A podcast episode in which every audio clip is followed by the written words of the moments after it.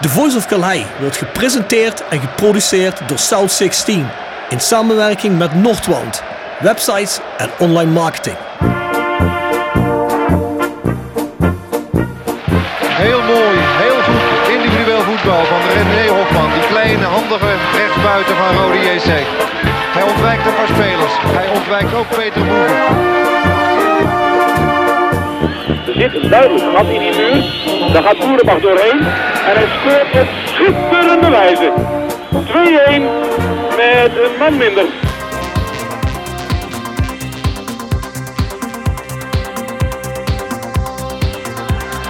Babangida aanspelen, jazeker. Mooie beweging. En hangen geblazen. Wat een goal zeg. Uit het boekje, een team met griffel. Zenden. Oh, oh! Gerry Zenden, wat doe je nou?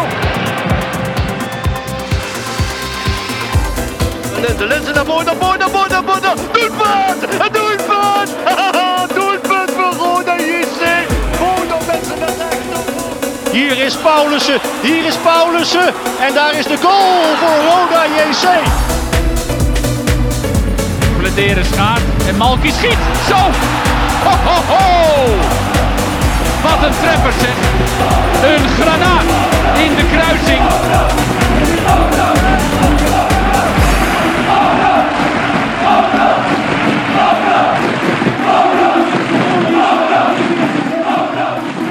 Dit is Roel Brouwers en je luistert naar The Voice of Calais. Goedemiddag, Paul Eurlings. Goedemiddag Rob. We zitten op een, eh, op, een, op een heel nieuwe locatie hier. Een unieke locatie. Ik was hier nooit geweest. Ik ook niet. Ik heb van Jimmy Leners gehoord dat er een vierde etage was. En ja, het klinkt raar voor iemand die uh, als een heel leven PLS komt. Nou, maar we hebben nu gezien dat Jimmy in de winter in de kou zit. Wij zitten hier niet in de kou, we zitten in, een, uh, in de commandoruimte van het, uh, van het Parkstad Limburg Stadion. Ja, want onze gasten zeiden, weet je wat, als we dan een podcast gaan doen, dan gaan we ook, uh, gaan we ook op ons thuisterritorium in, in, in het Hol van de Leeuw, ja. Het Hol van de Leeuw noemen we Errol de, de Voice of Calais speelde een uitwedstrijd. speelde een uitwedstrijd. Ik vond het trouwens zwaar in, in, in het denkbeeldig Marseille. Nee, nee, nee. wat vind jij? Ik zei, ik vond het zware deuren waar we erheen moesten. Die waren vergrendeld en zo allemaal. Dus wie weet, als, we, als het uit de hand loopt, dan kom je niet meer weg. Nee, dat is, dat is problematisch. hey, maar voordat we gaan beginnen zo meteen, stream en luister de podcast op Spotify, iTunes, Soundcloud of andere platforms waar je deze podcast kunt vinden. En we zeggen het elke keer. Laat een like achter, volg hem. En ja, je kunt hem ook altijd beoordelen. Hè? Dus doe dat. Goed voor de algoritmes. Ja, dat zegt iedereen. Maar het, het is echt zo op die platforms. Hè? Dus dan wordt hij sneller aangeboden. Ook aan Roda-fans die je misschien nog niet kennen. Wonder boven wonder. Maar het zal zo zijn. Voor de Voice Magic, hè, dus onze andere podcast, kun je naar petjeaf.com schuine streep naar voren de Voice of Calais gaan. Daar zitten wekelijks Bart, Jasper, uh, soms Maan en ik met na- en voorbesprekingen van rode wedstrijden. Stel andere content als hier, want we hebben het eigenlijk alleen maar over de wedstrijddag en de komende wedstrijddag. We hebben wel laatst onder het motto van de matchday, omdat natuurlijk ook om matchday ging, hebben een special dan rond Almere en het verbod op uitvenster. En daar gaan we natuurlijk in deze podcast ook op in. Maar daarover later meer. Maar die kun je dus vinden op petjeaf.com, de schuine streep voor The Voice of Calais. Gisteren heb ik de iets wat audiotechnisch mislukte podcast met Nick Vossenbelt erop gezet. Heb je hem gezien? Ik zag, ik zag de melding uh, voorbij komen. Ja, ik moet nog gaan luisteren. Je gaan luisteren? Is die, ja. is, die, is die voldoende?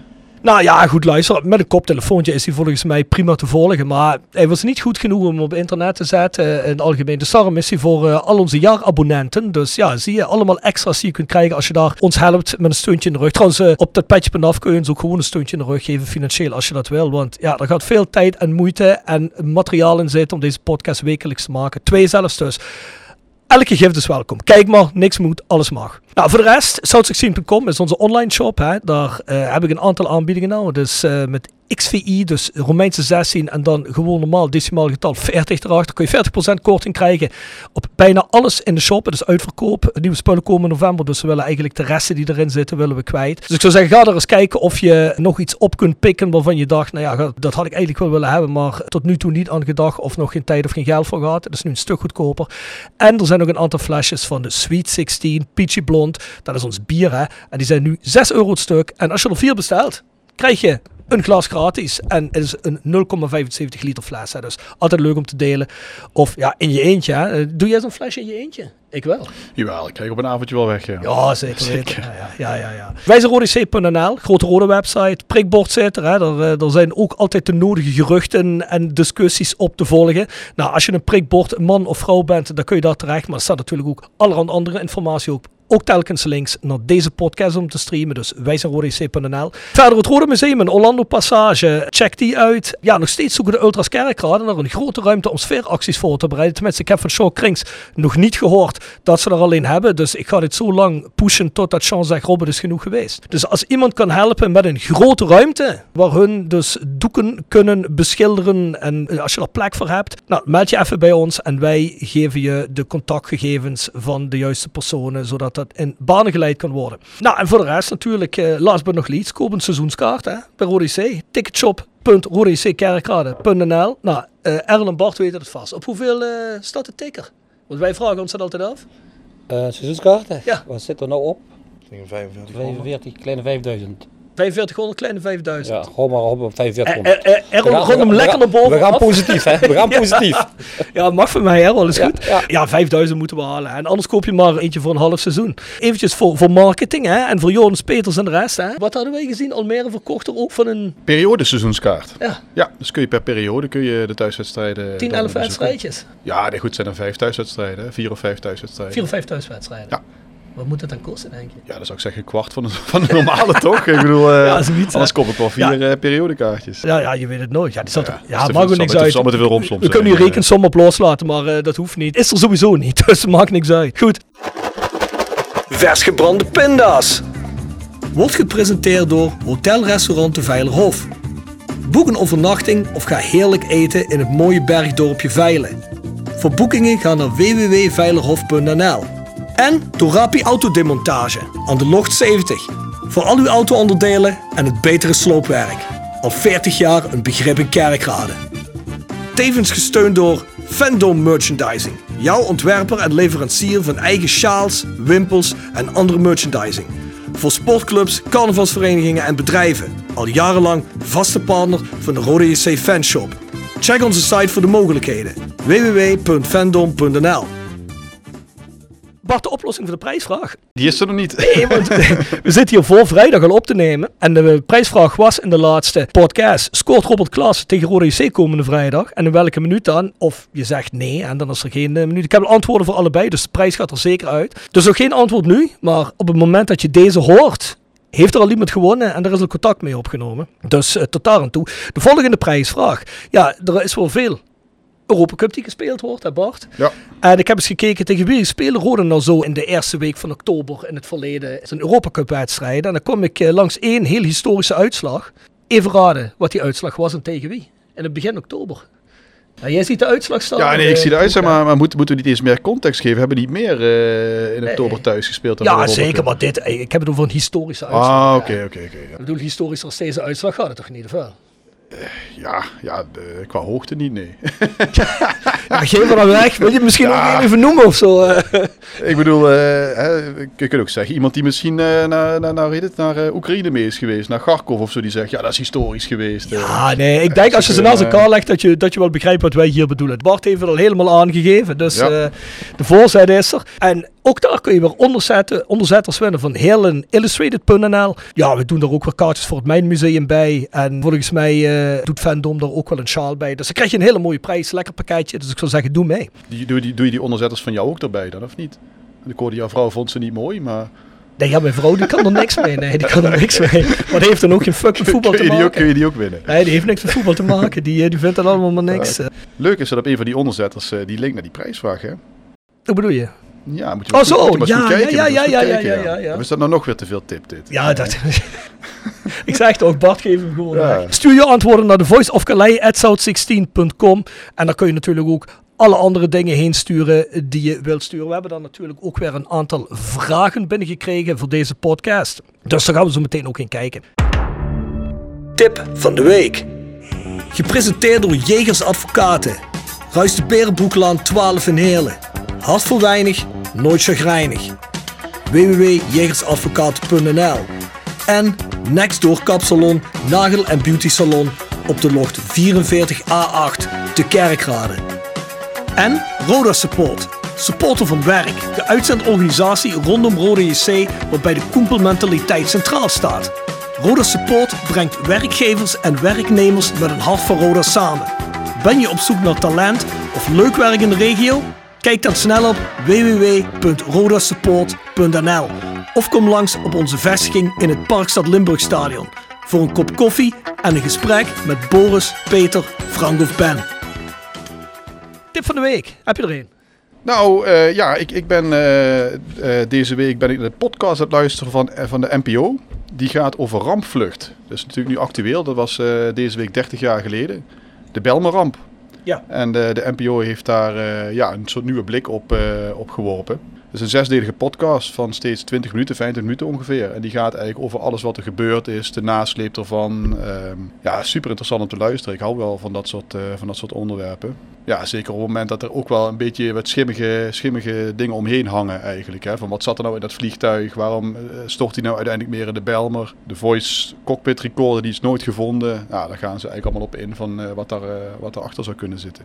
Dus niet direct sport gerelateerd, maar wel heel actueel op dit moment. Ja, ik heb ook een paar dingen zien langskomen erover. En ja, ik kan me nog herinneren, het was in 92. Toen was ik zelfs nog jong. Maar het was, eh, was hetzelfde jaar dat Nederland verloor van eh, Denemarken in halve finale in EK, Europa. Ja, Cup, dat klopt ja. Kan me nog herinneren, want toen had ik een vriendin in België. Ik heb dat gevolgd in België en ook de Europa Cup gevolgd. Was, eh, was wel bizar. Nou, ik heb zelf ook nog een tipje. We hebben het er vorige keer in de podcast ook over gehad. En dat is de Santos Football Guide voor Londen. Ik heb besteld. Kost 14,95 volgens mij. Maar als je een beetje iemand bent die eh into voetbalcultuur is en naar clubs gaat kijken en ook naar het buitenland, het lekker vindt om eens een, eh, een blik te gaan werpen. En daarbij ook een legio aan tips wil hebben over leuke restaurants in de buurt. Bars, pubs, koffiebarretjes, voetbalmusea, andere historische plekken waar je rond die stadions en rond die voetbalclubs heen kunt. En ook bizarre voetbalclubs trouwens. eh, ja, dan eh, kun je dat in de Santos Voetbalguide vinden.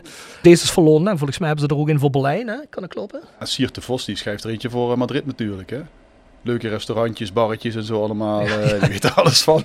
Ja, ja, die- ja die, dan hoef je maar naar zijn commentaar te luisteren, dan eh, krijg je die tips.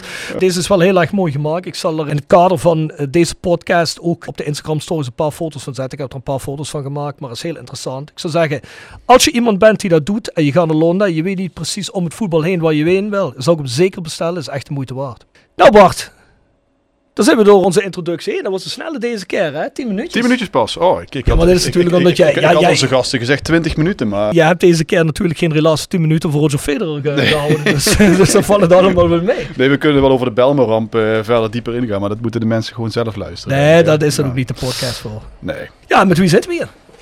Met twee gasten dit keer zelfs, als we het hebben over actualiteit. Eh, twee actuele gasten in het Roda gebeuren. Errol Ramsje, eh hoofdstuurding binnen Roda, toch Errol? Nee, nee, geen hoofdstoerding. Geen Ik doe vanaf, nee, vanaf eh, dit seizoen, nadat Bart mijn functie heeft overgenomen als veiligheidscoördinator, doe ik nou medewerker veiligheid en wedstrijdorganisatie. Ter ondersteuning van Bart. Ah, oké, oké. Nou, Ja, daar kreeg je gisteren nog een appje over van. Ja, klopt. En dat moet je even corrigeren. De context nou, aanhouden. deze Dat heb ik meteen gedaan. Live, gecoacheerd. Ja goed, Errol vorig jaar een keer in, in de podcast geweest. En eh, onze nieuwe veiligheidscoördinator Bart Zevenig. Welkom, welkom heren. Ja, ik wil ten eerste zeggen heel erg sportief dat jullie komen zitten. Want ja, er is de afgelopen week niet weinig kritiek geweest. Hè. Vooral op Bart eh, is er heel erg veel kritiek geweest. Wat betreft eh, ja, de, de, de maatregelen die genomen zijn of, of de beslissingen die genomen zijn. En voor hetzelfde geld hadden jullie ook met z'n tweeën kunnen zeggen, krijg maar de pleuris. eh daar hebben geen zin in. eh, dat gaan we niet doen. Maar jullie hebben gekozen om te zeggen van nou, we komen er zitten en we willen het zelf wel eens uit komen leggen. En het mag ook best kritisch zijn, maar daar lopen we niet van weg. En dat vind ik heel erg sportief. Zeker. Ja, die, eh, eh, leuk is dat het volgens mij andersom ook zo gold. Want we kwamen binnen en bij de heer gaf ook aan van ja, prettig om, om in de podcast te zijn. Ja, dat is in ieder geval goed begin. Ja, dat, absoluut. Zeker. Dat is het zeker. Ja. Om te beginnen, man, hoe, hoe is het op het moment? Want het zijn, eh, het zijn roerige weken geweest. Hè? Ja, en ik denk dat ik daar beter misschien even Bart maar het woord laat dan... eh, Ja, het is, eh, het is, het is wel een, een bewogen, eh, ja, een bewogen twee weken geweest. Deel van mijn vakantie heeft het, eh, wel flink eh, beïnvloed. En, eh, het, laat je niet, het laat je niet kouders erop als je ja, op die manier een start moet maken in een, een nieuwe functie. En als er een hele hoop geschreven wordt. En ja, nogmaals, dat gaf ik ook voor de podcast al aan. Kritiek is goed. En kritiek maakt, maakt dus allemaal beter. Zonder dwarsliggers rijden er geen treinen. Dat soort dingen. Maar ehm, ja, echt, eh, kritiek is goed. Alleen eh, ja, sommige dingen worden wel heel, eh, heel scherp weggezet. En dan, dan denk ik van ja goed, ehm, zien, we, zien we hetzelfde? Eh, en ik hoop het wel, want ik denk dat we allemaal een gezamenlijk belang hebben. En ik denk dat dat ook voor ons de, de hoofd, eh, hoofdreden is waarom wij zeggen, ja goed, die podcast eh, heel graag zelfs. Ja, Bart, ik denk Errol, die vorig jaar in de podcast gezeten. Dus de meeste mensen weten wel wie Errol is, denk ik. Ook van de tribune door de jaren heen hè, en de uitwedstrijden. Maar Bart, misschien kun jij jezelf misschien eens introduceren aan het grotere publiek. Wat is je achtergrond? Waar kom je vandaan? Wat is je binding met de club? Ja, ja zeker. Eh, ja, ik ben dus eh, Bart 70, ik ben eh, 28 jaar. Ik kom uit Kerkrade, Kerk Jong. Eh geboren en getogen. Woon eh, tegenwoordig op hele baan, tegen mijn zin. Eh, het liefst zou ik eh, natuurlijk in Kerkrade blijven wonen, maar dat, eh, ja, die huizenmarkt was op dat moment niet na. Ehm, ik eh, heb mijn hele leven eh, zit ik al eh, in de evenementen, passie voor evenementen. En eigenlijk vanuit die rol eigenlijk altijd eh, ehm, aangeschoven bij gemeentes en polities voor het, eh, voor het stukje veiligheid. En uiteindelijk door de gemeente Kerkrade voorgedragen om de functie eh, veiligheidscoördinator eh, eh, te bekleden. Eh, ja, eigenlijk mijn hele leven al fan van, van de club. Vroeger door mijn, door mijn twee ooms meegesleurd naar Roda. En ja, eigenlijk vanaf de opening van het nieuwe stadion, ik was toen ja, zes, zeven jaar, eigenlijk altijd eerst op Oost gezeten, daarna op West gezeten. nog lid geweest van de WSU. En ehm, ja, toen een tijdje uit het stadion weg geweest. Een paar maanden hadden dat op Facebook al eh, geschreven inderdaad vanwege een stadionverbod. Eh, vervolgens ook weer teruggekomen, een seizoenskaart gekocht eh, met mijn vriendin en mijn schoonmoeder. Want die vinden het ook leuk om naar het voetballen te gaan. Dus samen gingen we naar, naar, naar Roda gaan, zei je ook nog steeds. En ik zit nu op een ander plekje in het stadion, dat is hier. Want ja goed, voorgedragen door de, door de gemeente. In gesprek geraakt met Jordans en eigenlijk meteen aan Jordans ook aangegeven. Ja, als ik iets kan bijdragen aan de club, als ik iets kan doen voor de club, doe ik dat ontzettend graag. En als het niet zo dan is het niet zo. En uiteindelijk heeft de club gezegd van ja goed, we willen heel graag eh, met jou verder. En ik wil ook heel graag me dienstbaar maken voor Roda. Eh, dat wat me aan het hart gaat. Dus eh, dat is een beetje, denk ik, de achtergrond in een, eh, in een nutshell. Hey Bart, je zegt voorgedragen door de gemeente. Ja. Is, is dat iets waar de gemeente ook actief een rol in speelt? Of is dat toeval nu omdat de gemeente Nee, jou de- kende en Roda op zoek was? eh? Ja, Roda was op zoek en de gemeente is, eh, is een, een van de ketenpartners. Hè. Binnen het hele veiligheidsgebeuren eh, zit Roda aan tafel in, in een, vierhoek, een vierhoeksrelatie met het Openbaar Ministerie, de politie en de gemeente. Eh, en de gemeente was, eh, was ervan op de hoogte dat, eh, dat Roda op zoek was. En ik was op dat moment veiligheidscoördinator bij het WMC in En eh, zat dagelijks met, eh, met de voorzitter van het veiligheidsoverleg van Roda eh, aan tafel. En op een gegeven moment zegt hij na een, een overleg van lijkt veiligheidscoördinator bij Roda je niks. En ik, ja, ik denk, poeh, eh, moet ik wel even over nadenken. Dat is een, dat is een vrij grote stoel. Dat heb ik ook eerder uitgesproken, ook naar de stoerling, ook naar Errol, ook naar Jordans. En uiteindelijk eh, toch in het diepe gesprongen, ja. Hmm. Maar dus ja, de, de gemeente heeft daar niks op te zeggen, maar Dus het is eerder toeval dat ze jou kennen, Ja. want anders had Roda zelf een vacature uh, uitgegaan. Uiteraard, ja. ja. ja. Heb je voor dat soort dingen nou specifieke opleidingen nodig? Want je zegt je komt uit de, de eventbranche. ja. Is dat dan iets wat je daar ook meekrijgt in je opleiding? Of is dat iets aparts wat je doet? Ja, ik heb, eh, uiteindelijk heb ik communicatie gestu- gestudeerd. Dat zullen misschien wat mensen ironisch vinden. Ehm, heb ik eh, communicatie gestudeerd in Tilburg eh, vier jaar. En daarvoor nog vier jaar in Heerlen. En eh, daarin zit een heel stukje crisis, eh, crisismanagement, crisiscommunicatie. Dat zit er zeker in. Het is een, een beetje een, een, een passie geworden om, om met veiligheid bezig te zijn. eh, en het hele stukje vergunningverlening en, en overheidscommunicatie. Ehm, er zijn VC's die hebben inderdaad een opleiding tot integrale veiligheid gevolgd, zoals de VC van Fortuna. Dat zijn inderdaad vooropleidingen, maar het, het pad eh, langs de andere weg is, is ook zeker geen, geen onbekende in, in de betaalvoetbalwereld. En dan kun je dus nog, eh, nog bijscholen met eh, eh, middelbare veiligheidskunde, hogere veiligheidskunde dat soort, dat soort zaken allemaal. Is, is veiligheidscoördinator bij Roda is dat een fulltime job? Of? Momenteel niet. En, het zijn licentie-eisen om een veiligheidscoördinator te hebben vanuit de KNVB. En op het niveau eerste divisie is dat eh, 24 uur. En ik doe het eh, eh, 20 uur en Errol heeft dan nog 8 uur in de week. En ehm, in de eredivisie is dat 40 uur. En net zoals een SLO, de functie die civiel bekleedt, ook dat is een licentie-eis die moet je als eh betaald voetbalorganisatie hebben. Ja. Heb, je, heb je nog een baan daarnaast? eh? Ik heb een eigen bedrijf daarnaast in, Ah. eh, in de evenementen. We organiseren diverse evenementen voor de regio. En dat is ook eigenlijk wel een parallel die ook met Roda te maken is. Dat wij met onze evenementen eigenlijk de regio leuker, beter, mooier proberen te maken. En dat is ook wat Roda nu in een nieuwe positioneringsplan heeft staan. Hè. Iedere dag bijdragen aan de regio. En ik denk dat ja, dat ik dat als, als raschauvinist eh, en kerkradenaar niet, eh, niks liever zou doen. Hoe heb je zelf die eerste maanden beleefd nou? Ehm, ja, Want ik kreeg ook hier de vraag nog van iemand via Instagram die zegt: Hoe vind je zelf dat het gaat? Dus ja, dat haakt daar een beetje op in, denk ik. Want ik denk dat heel veel mensen benieuwd zijn van ja, hoe, hoe kijk je nou zelf tegen die eerste periode aan? Ja, dat is eh, eh, dubbel. Ik kijk er dubbel tegenaan omdat ik, eh, eh, en dat, dat ziet de supporter natuurlijk niet, eh, weet dat we intern een hele hoop dingen ehm, heel goed in doen zijn. Uh, en dan kijk ik zeker ook vooral naar, de, naar die zakelijke kant, hè, richting, uh, richting de gemeente, uh, richting, richting de politie. En dan, dan heb je het echt over kijken hoe we onze stoere organisatie beter kunnen maken, hoe we onze stoer beter kunnen waarderen, hoe we de communicatie richting de gemeente beter op touw kunnen zetten, zodat Roda ja, ook veel beter voor de dag komt. kijken dat Roda financieel beter ja, voor de dag komt, kijken ja, of... Um, eigenlijk alles een beetje tegen het liggen nou. En ik denk dat we daar, uh, samen ook met Errol, ik bedoel, dat is niks wat ik heel erg graag dan uh, meteen willen doorduwen. Maar samen met Errol uh, overal de vragen ben gaan stellen van ja goed, zou dat wel zo moeten zijn?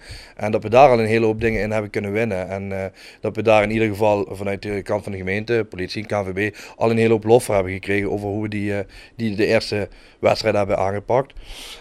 of ja, die eerste twee maanden.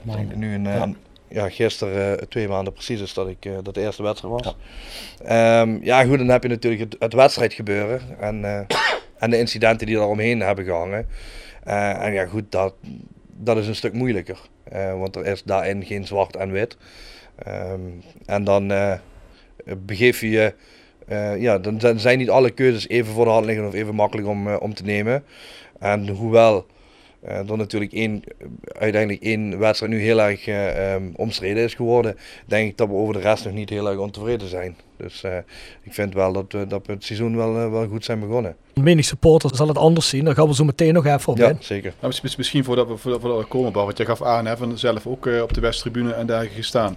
Wat was jouw verwachting op zichzelf voordat je hier aan begon? hoe keek je aan tegen het actieve fangebeuren binnen Rode? Of ja, misschien het fangebeuren actieve dan wat meer in een bijzonder? Wat dat je voorbeeld daarbij?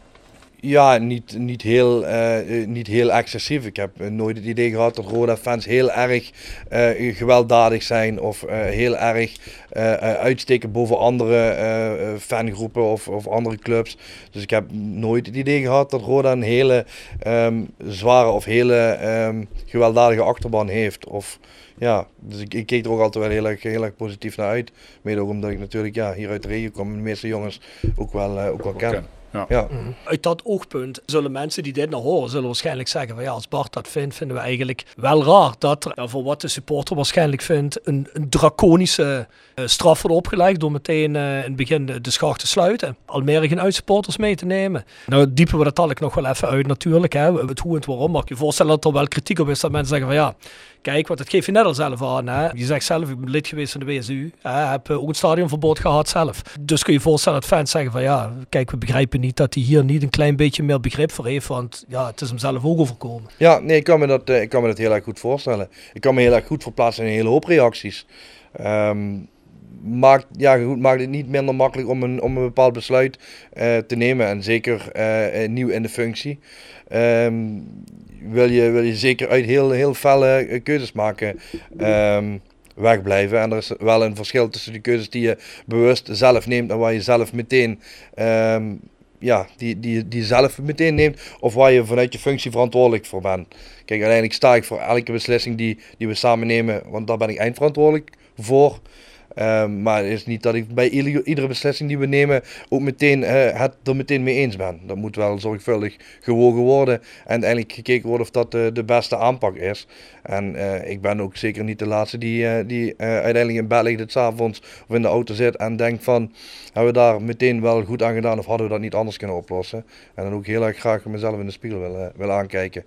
Dus jij zegt eigenlijk dat je als veiligheidscoördinator van Roda soms de dingen anders doet, of, of nou zou doen, dan dat je het misschien zou doen als je die functie niet had en je moest een beslissing erover nemen. Ja, ja ik, denk, ik denk dat dat, wel, uh, dat dat zeker wel is. Er zijn, er zijn sowieso twee dingen. Er zijn dingen die ik als de persoon Bart Zevening vind. En er zijn dingen die ik moet vinden of vind vanuit de functie als veiligheidscoördinator. Ja, goed, kan me dat ook wel voorstellen. Maar dan heb je natuurlijk mensen die, kijk, Errol zit nou naast je. Hè, die zeggen van, ja goed, Errol heeft die taak voor jou gehad. En kreeg hier ook een, eh, een vraag over. Ik zal die heel even voorlezen. Nou, ik, ik zie even niet de vraag letterlijk staan. Maar de vraag, uh, ik krijg hem niet woord voor woord bij elkaar. Maar eigenlijk was de vraag, Errol heeft het van tevoren ook gedaan. En die was een stukje, die scheen daar relaxter in te zijn. En dat scheen allemaal een, een, een, beetje eh, minder draconisch uh, de beslissing te zijn. Dus heb jij het gevoel dat, en dat is misschien een vraag aan jullie allebei, dus kunnen jullie misschien allebei beantwoorden. Is het nou zo dat je dan denkt dat je bepaalde dingen zo moet beoordelen? Of wordt je dat ingegeven door politie Kerkrade, door de driehoek of de Roda, omdat er nu een andere, een andere insteek is bij de vereniging, dat het gewoon nu zo moet gaan zoals het nu gaat. En dat het misschien in Errol's tijd of Stefan de laatste tijd, ja, ik wil niet zeggen soepel was, want Errol was ook hard, maar eerlijk. En ook Stefan de Laar. Maar dat de mensen toen meer het gevoel hadden dat het toen, zeker in het begin, wat, soep, wat soepeler was. In ieder geval minder draconisch, als je begrijpt wat ik bedoel. Nou, ik denk wel dat um, je dat niet helemaal kunt vergelijken. Het is wat Bart ook in het begin altijd zei. Hij is nu in de functie. En Bart heeft eigenlijk, kijk, we hebben de afgelopen twee jaar ook corona gehad. Uh, was ook een stuk rustiger, ook in het supporterscharen. Ja, klopt. En dat heeft dus ook wel heel erg veel te maken gehad met datgene wat nu gebeurt. We zien het ook in de tendens in de hele maatschappij de maatschappij is veranderd. En dat merken we ook hier bij het voetballen. En Bart heeft nou net de pech dat juist omdat de maatschappij verandert, verandert, je ziet het overal in Nederland, ook in de stadions, waardoor heel veel excessen gebeuren. En waardoor Bart in zijn functie moet reageren. Wat hij op zich ook goed doet. En even voor iedereen, ik sta achter elke beslissing die Bart neemt nu. Want dat zijn dan wel beslissingen die ik dan ook genomen zou hebben als ik nog in deze functie zou zijn. Dus die beslissingen die zijn genomen heeft niks met Bart te maken. Het heeft te maken met het feit wat gebeurd is. En wat de supporters, de mensen, laten zien. Errol, misschien, want we zijn daar misschien net even overheen gegaan. Maar kunnen jullie wat meer uh, duiding geven aan de dingen die er dan gebeurd zijn? Ik merk dat dat voor heel veel mensen ja. Ja, dit, dat gewoon niet weten of, of maar delen weten. Nou, dat zijn in, uh, de, in de loop der tijd, en eigenlijk, eigenlijk is het al um, begonnen, ook in het uh, verloop van het einde van het vorig seizoen. De wedstrijd Excelsior was geloof ik Bart. Uh, waar het na de wedstrijd ook het een en ander buiten op de parkeerplaatsen buiten is misgegaan. De eerstkomende wedstrijd, Bart, moet je me eventjes meehelpen. Roda Ajax, hè? Roda Jong Ajax. Roda Jong Ajax. Ja, Dordrecht uit. Of Dordrecht uit. Daar is wel eigenlijk begonnen al eigenlijk de eerste wedstrijd verder niks aan de hand. En dan wordt het in het bezoekersvak, er worden weer uh, wc's gesloopt waar helemaal geen aanleiding voor was. Uh, de wedstrijden daarna, uh, hier, Roda, ja, je hebt een betere uh, uh, Je noemt net Excelsior, maar dat is volgens mij iets wat dan ook weer heel erg samenhangt met het verbod op de schach. Wat, wat, wat, wat kun je daarover vertellen wat daar plaatsgevonden heeft? Ja, ik, ik, denk dat wat, wat, uh, wat wij gemerkt hebben in de hele communicatie om de sluiting van de schacht natuurlijk, is dat er uh, wordt gezegd, uh, nu al, of er is dit seizoen nog helemaal niet zoveel gebeurd. En waarom dan toch? En ik denk dat daarvoor heel erg belangrijk is om te kijken naar, naar vorig seizoen. Ik, ik, heb een beetje het idee gekregen, maar dat, dat kan een stukje perceptie zijn, dat mensen denken dat op het moment dat het seizoen opnieuw begint, dat de teller op nul staat. En helaas werkt de KNVB strafkaart zo niet, maar ze werkt ook het gevoel van medewerkers binnen de club niet.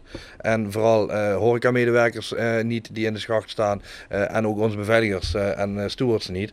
want zij, er is gewoon een heel duidelijk signaal gekomen vanuit, vanuit het personeel wat daar werkt.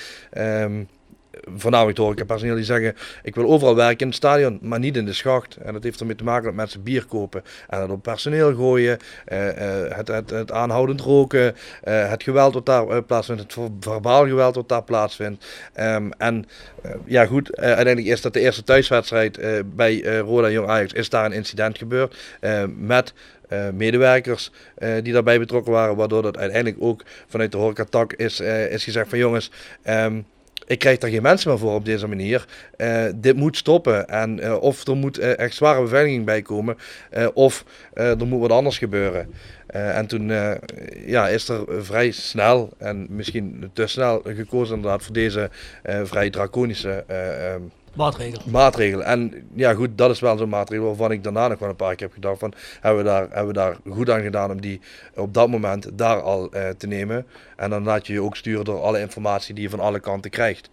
Um, we hebben afgelopen dinsdag met de supportersvereniging en, het fanproject samengezeten. En daarbij is ook geopperd van, misschien moeten we met z'n allen een uh, bredere informatie en uh, bredere informatievinding doen om te kijken uh, hoe dit, uh, dit soort incidenten overkomen op de supporter, eh, inderdaad op de horecamedewerkers, op onze beveiligers, ook op onszelf.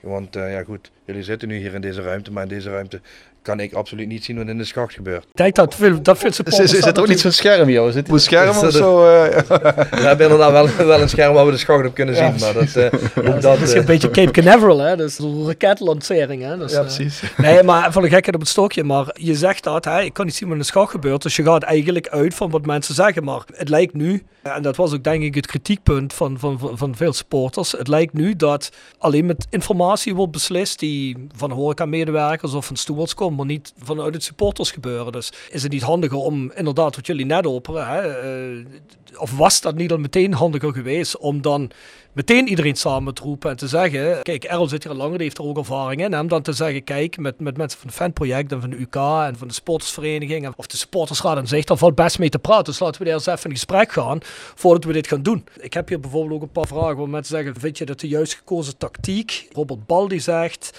Bart, meneer in de maatschappij, iemand zich misdraagt, wordt deze persoonlijk gestraft, niet de hele maatschappij. En dus waarom zijn zoveel supporters het dupe van ja, dingen die eigenlijk maar enkele supporters doen? Dus zou het niet eigenlijk beter zijn om meer gepinpoint supporters te bestraffen? Dat is ook een beetje wat Bart net zei voor we aan de podcast begonnen. Vinden jullie dat nog altijd de juiste insteek of zeggen jullie? Want je zegt net al, misschien toch te snel die beslissing genomen van de, de schacht te sluiten. Was die andere weg misschien niet de betere geweest? Ja, goed, persoonsgerichte aanpak, PGA zoals we dat noemen, heeft altijd de voorkeur. Als we een individu voor zijn gedrag kunnen sanctioneren of moeten sanctioneren, want dat doen we ook niet met plezier, eh, dan heeft dat altijd de voorkeur. Je wil nooit een hele groep de dupe laten zijn van eh, eh, een paar of een enkeling die iets verkeerd doet. In het geval van de schacht hangt ons daar een vrij grote boete boven het hoofd voor het, het aanhoudend binnenroken. En ja goed, wij kunnen dat als club gewoon niet hebben, die boetes. Ehm, en dan is het soms, en ik wil niet zeggen dat dat nu meteen eh, van toepassing is, ehm, moet het, eh, ja, wil je misschien het bewustzijn dan opwekken van eh, en hopen dat andere mensen elkaar er ook op gaan aanspreken van, want als je daar blijft roken, dan gaat de schacht dadelijk weer dicht. En als er bier naar personeel wordt gegooid, dan staat er niemand. En dan gaat, dan, als er geen personeel voor de schacht is, gaat de schacht ook dicht. Dus ehm, ja, is het uiteindelijk de goede, eh, de, de, de best gekozen maatregel? Eh, Ja, goed, nu aan de achterkant, maar dat, dat weet je pas achteraf meestal. Hè. Ehm, kan ik zeggen dat ik, dat ik daar waarschijnlijk een andere keuze in had gemaakt. Hè. En zoals ik zeg, ik, ik ben zeker niet, eh, niet beroerd om mezelf in de spiegel te kijken en, eh, en te reflecteren op, eh, op ons eigen functioneren. Dat we welke communicatie heeft er nog plaatsgevonden voordat dat besluit genomen werd? Want ik, ja, wij, wij kregen vanuit supporterskringen door van ja, werd, eigenlijk als een voldongen feit medegedeeld, zeg maar. Is er wel in de aanloop daar naartoe dat je zegt van ja, er zijn wel signalen van ons of, of vanuit de club afgegeven, jongens, het gaat hier de verkeerde kant op. Eh, is, is, wat, wat is jullie beleving daarbij? Nou, ik denk dat wat net ook aangaf, ehm, dit soort dingen worden ook vaak in de supportersraad besproken. En vanuit de supportersraad verwachten wij dan eigenlijk ook dat zij ook hun achterban daarin, over, daarover informeren. Of dat altijd gebeurt is natuurlijk wel een, een, een hekelpunt, of wel niet of niet. Eh, en social media is voor ons ook wel heel erg van belang om mensen te, te, eh, te verwittigen daarin. Ja. Ja, nogmaals, iedereen heeft daar natuurlijk zijn eigen interpretatie in als we iets gaan uitleggen. En je ziet zelf ook, we hebben met zoveel supporters te maken. Het besef moet ook komen van reëel zijn van weet wat er is gebeurd en denk ook zelf even na van klopt het ook wat ze doen. En hebben ze die maatregelen genomen omdat we juist niet goed zijn geweest of niet vriendelijk zijn geweest. Maar het, nogmaals, het gaat om de goede en om de kwade. Ik zou me voor het kunnen voorstellen, want jij noemde het ook Bart, hè, van het is niet zo dat, dat bij het seizoen het weer op nul begint. Hè. Dus ik kan me voorstellen, je zegt van nou, we hebben een soort seizoensevaluatie na vorig seizoen gehad en dan is bijvoorbeeld het thema de schacht aan de orde geweest. En dan is aan de supportersraad aangegeven, jongens, dit gaat echt verkeerd. We, raken, we hebben geen personeel dadelijk meer, Ja, ja. eh, ons hangt de boete boven het hoofd. Help ons daarbij. Is, is, is dat gebeurd eh, wat, wat, jullie betreft of niet? Of, want We hebben daar ook een SLO in en onze SLO, Cyril, weet iedereen, eh, die communiceert ook heel goed met zijn achterban, met de supporters. En van daaruit wordt ook het een en ander wat hier gebeurt, hier besproken wordt, ook aangegeven. En we hopen natuurlijk ook heel snel feedback te krijgen vanuit de achterban van, ja jongens, wij willen er wat aan doen. Maar op het moment dat wij die, die feedback niet krijgen, zullen we op een gegeven moment wel toch iets moeten doen. Kijk, we willen van alles. We proberen ook zoveel mogelijk te communiceren. Hebben we dat ook aangegeven, is niet altijd even gemakkelijk, gaat ook niet altijd even goed. Eh, maar de intentie is er wel. Maar om goed te communiceren heb je twee partijen nodig. En het moet niet altijd van één kant komen, maar we hebben natu- natuurlijk, je hebt de eh, voor de vrager, maar we hebben ook graag de antwoorden daarin. Nou, ik weet wel dat er een initiatief bij de actieve supportersgroepen is om de schacht Ja, qua muziekinstallatie. Dat is, eh, bekend, dat is bekend bij ons. Wordt uit het supportersgebeuren gefinancierd. Er zijn eigenlijk van elke actieve supportersgroep die in deze stadion staat, van harde kernen tot andere actieve supportersgroepen, zi- zitten er mensen in. Eh, dus er, er is wel zeker een welwillendheid om de schouw gewoon geopend te hebben en, en het goed te laten Ja, maar functioneren. dat is wel Dus een dat- uitvloeisel vanuit hetgene wat is gebeurd. Dan gaan die actieve supportersgroepen ook denken van, hé, wacht eens even, hier kunnen wij ook een rol in gaan betekenen. Nee, precies, maar dat is denk ik wat Bart bedoelt. Stap dan meteen op af na vorig seizoen, is het waarschijnlijk dat dat dan al geïnitieerd wordt en dan krijg je dit probleem misschien niet. Kijk, er zit, altijd, er zit altijd, er kan altijd iemand tussen zitten die zegt van ik ben zat, ik gooi een bier naar een personeelslid. Ja, dat, ja. dat is ook iets wat de actieve supportersgroepen niet willen, want die willen de schacht open hebben. Ja. Of het nou een, een harde kern is, of dat het nou eh, actieve supportersgroepen zijn die alleen maar een, een, een- banner bij zich hebben met naar uitwedstrijden gaan. Hè. Dat boeit niet. Ik denk dat iedereen graag in de schacht wil zitten na de wedstrijd en voor de wedstrijd. Bovendien hè, kan, kan, kan Ivy dan meer eh, geld omzetten door bier te verkopen. Is voor iedereen goed. Dus, maar ik, ik, ik denk dat, eh, en ik denk dat we daar ook een beetje op het punt zitten wat Bart ook denk bedoelde, hè, met de dingetjes die hij ook op internet heeft eh, geschreven hier over de kritiek, hè, is dat wij allemaal het gevoel hadden dat aan het begin de communicatie een beetje ontbrak dat de, de, de, de, de beslissing werd genomen. Ja, dan was het ei gelegd. Mhm. En dan valt er, viel er niks meer aan te doen. Want is wat je zelf zegt, de initiatieven, de mensen zijn wel degelijk welwillend Ja. om te helpen. Ja, dat is van deze kant uit wel gekomen. Nou, de, eh, wat op dat moment gebeurde is, en dan komen we even terug op Eindhoven. Dat is wat Bart ook aangegeven. Eigenlijk het initiatief hiervan is echt uit de storing gekomen. Toch niet eens vanuit de club. De storing hebben op dat moment aangegeven na de excess Oké, we, we zitten dan nu bij Eindhoven Ja, en niet meer ja. bij de schacht. Nee, oké. nee, Maar dat heeft dan- heel even Ja, oké. Maar het heeft dan wel te maken met hetgene waarom dit allemaal, waarom we ook nou hier zitten. ja, ja, Dus zeker. de aanleiding daartoe. De aanleiding daartoe is het gedrag van de supporters. Van bepaalde supporters, niet iedereen. En onze stoering, we- weten we allemaal, die staan hier voor de club. Staan in weer en wind Hm. tegen een hele minimale vergoeding. Eh, hebben hard voor de club. En ze willen juist voor, niet alleen voor ons, maar ook voor alle supporters ervoor zorgen dat een wedstrijd mooi kan verlopen en door kan gaan. En juist die vrijwilligers, die worden de laatste tijd eh, onheus, maar dan zeg ik het eigenlijk heel netjes, onheus bejegend. Wacht even, we gaan hier heel even stoppen. Onheus bijeen, gaan we zo meteen verder. Ik gooi er eerst even een rubriek doorheen. The Sound of Calhei. Gepresenteerd door PC Data Logistics Automation. De partner voor leveren, installeren en onderhouden van geautomatiseerde ordeelverzamelsystemen. Zowel lokaal in kerkraden als globaal over heel de wereld. Ook worden we gesteund door Willeweber Keukens.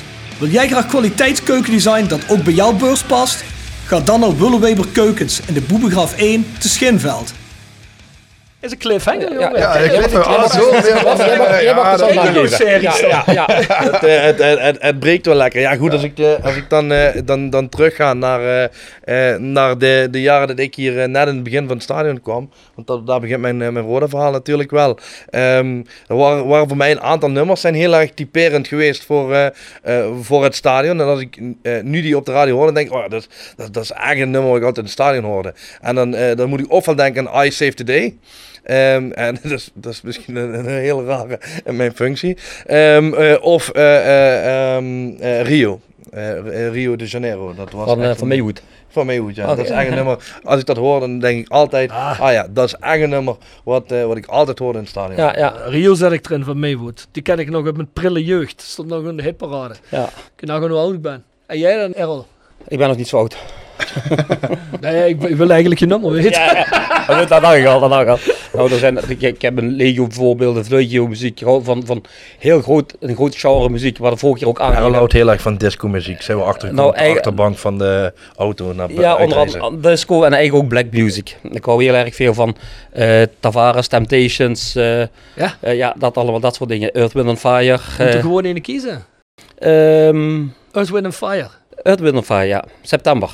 Mega song, hè? Het is Ja. oktober. Ja, ja. Ja, nou zitten we in oktober, ja. Ja, dat is een goede song. Ja, wat een cliffhangertje. Ga dan maar verder. Onheus bejegend. Onheus bejegend. Ja. Heb ik eh, heel even een vraag over. Want ehm, je zegt, oké, de stewards voelen zich onheus bejegend. Stewards hebben gezegd, oké, we trekken hier een lijn in het zand. eh, niet meer langer zo. Wij eh, gaan gewoon niet meer mee nu naar Almere uit. Dus bekijk het jullie maar. Nou, daar moet Roda natuurlijk iets mee doen. Is dat dan zo op dat moment? Want volgens mij is, hè, dat is wat je net zegt, daar hebben we het zelf ook persoonlijk al eens Mhm. over gehad, hè, de verhouding eigenlijk tussen de mensen die je kent van de fanproject, van al die mensen die actief bezig zijn. Bart kennen ze misschien nog niet zo, maar jij hebt er een goede verhouding mee. Is het dan ook niet zo dat je tegen de steward zegt, jongens, laat ik eerst even die fans erbij roepen. Laten we eerst even praten voordat we hier nou iets gaan doen. Of zeggen die stewards dan uit zichzelf, nee, eh, we willen absoluut niet praten. Je kunnen doen we tot je ons weegt, maar wij communiceren niet. Nou, dus wat het ook aangeeft, eh, het is een opeenstapeling van. En het is niet de eerste keer dat er iets gebeurt. Ehm, dat is in de voorgaande wedstrijden is er ook het een en ander gebeurd. Ook tijdens thuiswedstrijden, tijd op de Westtribune gebeurt het een en ander. En in die hoedanigheid opeenstapeling van is op een gegeven moment besproken na het laatste gebeuren in Eindhoven dat het voor hun de maat wol was. Kijk, ze weten ook wel dat we met sportsgroepen in gesprek gaan, maar het is meer een persoonlijk gevoel van de stewards die op dat moment de overhand heeft genomen. En juist omdat daar het een en ander gebeurde waar verschillende stewards daar ook uh, last van hebben gehad. Pepperspray gevallen, overlopen, uh, half vertrapt. Ja, dat, dat doet nogal iets bij de stewards. En het is ook niet netjes, ook niet leuk. Ja, ben er zelf bij geweest, heb zelf gezien hoe het is gegaan. Ja, op dat moment is de maat vol geweest en is dat de druppel geweest die de emmer heeft doen overlopen. Ik denk dat, dat, dat wat de uh, na Eindhoven aangaven, hè, uh, er, er gebeurt iets in Eindhoven, vervolgens stap je in de auto, moet je uh, over Eindhoven terugrijden omdat de A2 dicht is. Dan zit je anderhalf uur in de auto, waarin wij denk ik drie kwartier niks hebben gezegd, alleen maar voor ons uit hebben gestart. En vervolgens kom je hier en dan ga je in, in die briefing met, met die mensen. En dan hebben we hier tot half drie gezeten s'nachts. En dan, dan ga je heel erg het gesprek aan van ja goed, wat... Um, ja, wat is er nou gebeurd en ehm, hoe gaan we hiermee om en wat is jullie gevoel daarbij? En uh, daarbij zit denk ik een, een heel stuk geschiedenis al uh, waar, ik, uh, ja, waar ik nu in, in ben binnengelopen. In um, iets wat al heel erg lang sleept in, een stukje ja, verbaal geweld wat is gegroeid, eh, ondankbaarheid die zij voelen. En eh, dat zij eh, ook aangeven, ja, voor ons is de maat vol eh, meteen. En dat ze zeggen, eh, het heeft nu geen zin om eh, weer pleisters te plakken of het te bagatelliseren. Want zo voelen ze het wel degelijk door weer te gaan praten en het weer goed te praten voor de supporters. want dat is denk ik ook wel ergens een belangrijk inzicht. Hè? ik kan hun ik kan het gevoel van hun kan ik niet wegnemen. Ja, als dat hun gemoedstoestand is, um, dat zij bang zijn om weer mee te gaan en, en het niet fijn vinden om weer mee te gaan naar een uitwedstrijd, dan, dan zullen we daar iets mee moeten. Um, en dat gesprek dat is gewoon, zij ze hebben letterlijk gezegd, eh, het pleisters plakken heeft nu geen zin, zeg maar. Er, er zal iets rigoureus moeten veranderen.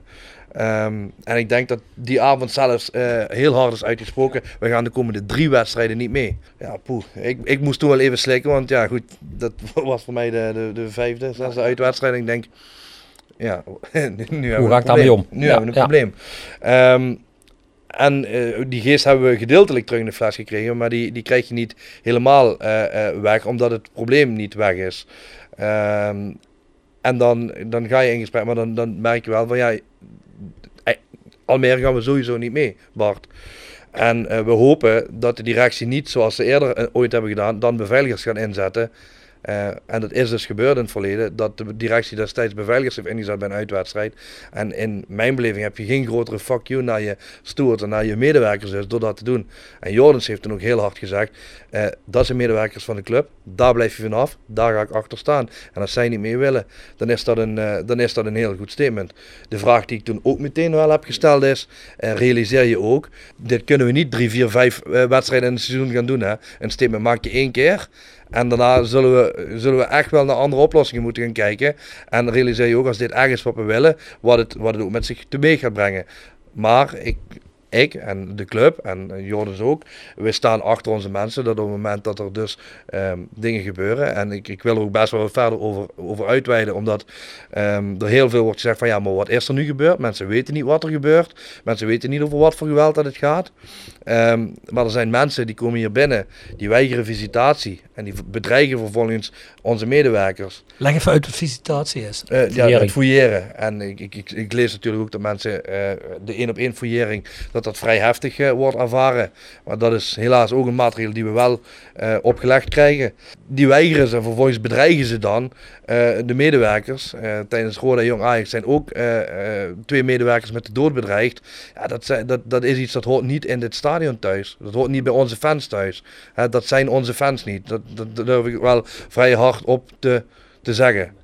En dan um, dan is dat nog het, het stukje verbaal emotioneel geweld. Maar vervolgens gaat het dus inderdaad verder naar, eh, na de wedstrijd tegen de Graafschap. Een stoer een knietje geven, waardoor ze drie, vier dagen haar eigen werk niet kan doen. Een servicemedewerker die ook in ons veiligheidsapparaat werkt, van de trap afduwen. Ehm, het tussen eh stoers door tegen poorten aantrappen, stoers omduwen en zeggen: bemoei je er niet mee, wij mogen hier onze banner ophangen. Dat zijn dingen, ja, dat, dat gaat niet helpen als we onze stoerding bij elkaar willen houden om wedstrijden mogelijk te maken. Want ik denk dat dat, dat ook niet echt doordringt. Zonder onze stoers kunnen wij niet voetballen. We moeten 70 stoers hier neerzetten, iedere thuiswedstrijd, 70 stuks. En zonder die 70 zegt de gemeente, wij geven geen toestemming om te voetballen. En dan is er geen publiek. Er wordt maar zonder publiek gevoetbald of wordt niet gevoetbald. En dan, dan hebben we wel over hele andere problemen. Dus deze mensen hebben we heel erg hard nodig. En die moeten ook heel erg hard waarderen. En ik zou dus ook heel graag willen zeggen, ja goed, deze podcast horen ze niet voor vrijdag. In plaats van dat je, dat je morgen, eh, hè, dat mensen morgen tegen eh, de, de stoort zeggen, ja, hey, wat, eh, wat, eh, wat kut dat wij niet meer mochten naar Almere. Dat je gewoon een keer zegt, dankjewel dat je hier staat. Ik snap dat dat ook wel misschien wat veel gevraagd is, maar die mensen staan er niet voor mij, en ook niet voor Aral, en ook niet voor Jordens, eh, en ook niet voor, voor die, voor die 4,5 euro. maar die staan er echt wel voor, voor de supporter om hier in weer en wind die wedstrijd mogelijk te maken. En dat, daar zit echt meer, eh, meer hobby in dan dat, mensen, dat menig mensen kan denken. Meer clubliefde. Daar zit ook heel veel clubliefde bij. Er- Errol, jij, jij zei net ook in het begin, zei, gaf je aan van ja, we merken dat er ook na de corona dat er iets veranderd is hè? Mhm. in de houding van mensen. En ja, ik denk het aantal voorbeelden die Bart nu geeft, die, die, die, die, ja, die duiden daarop. Want ik, ik Ja, heb dat bij Roland in ieder geval nog nooit gezien.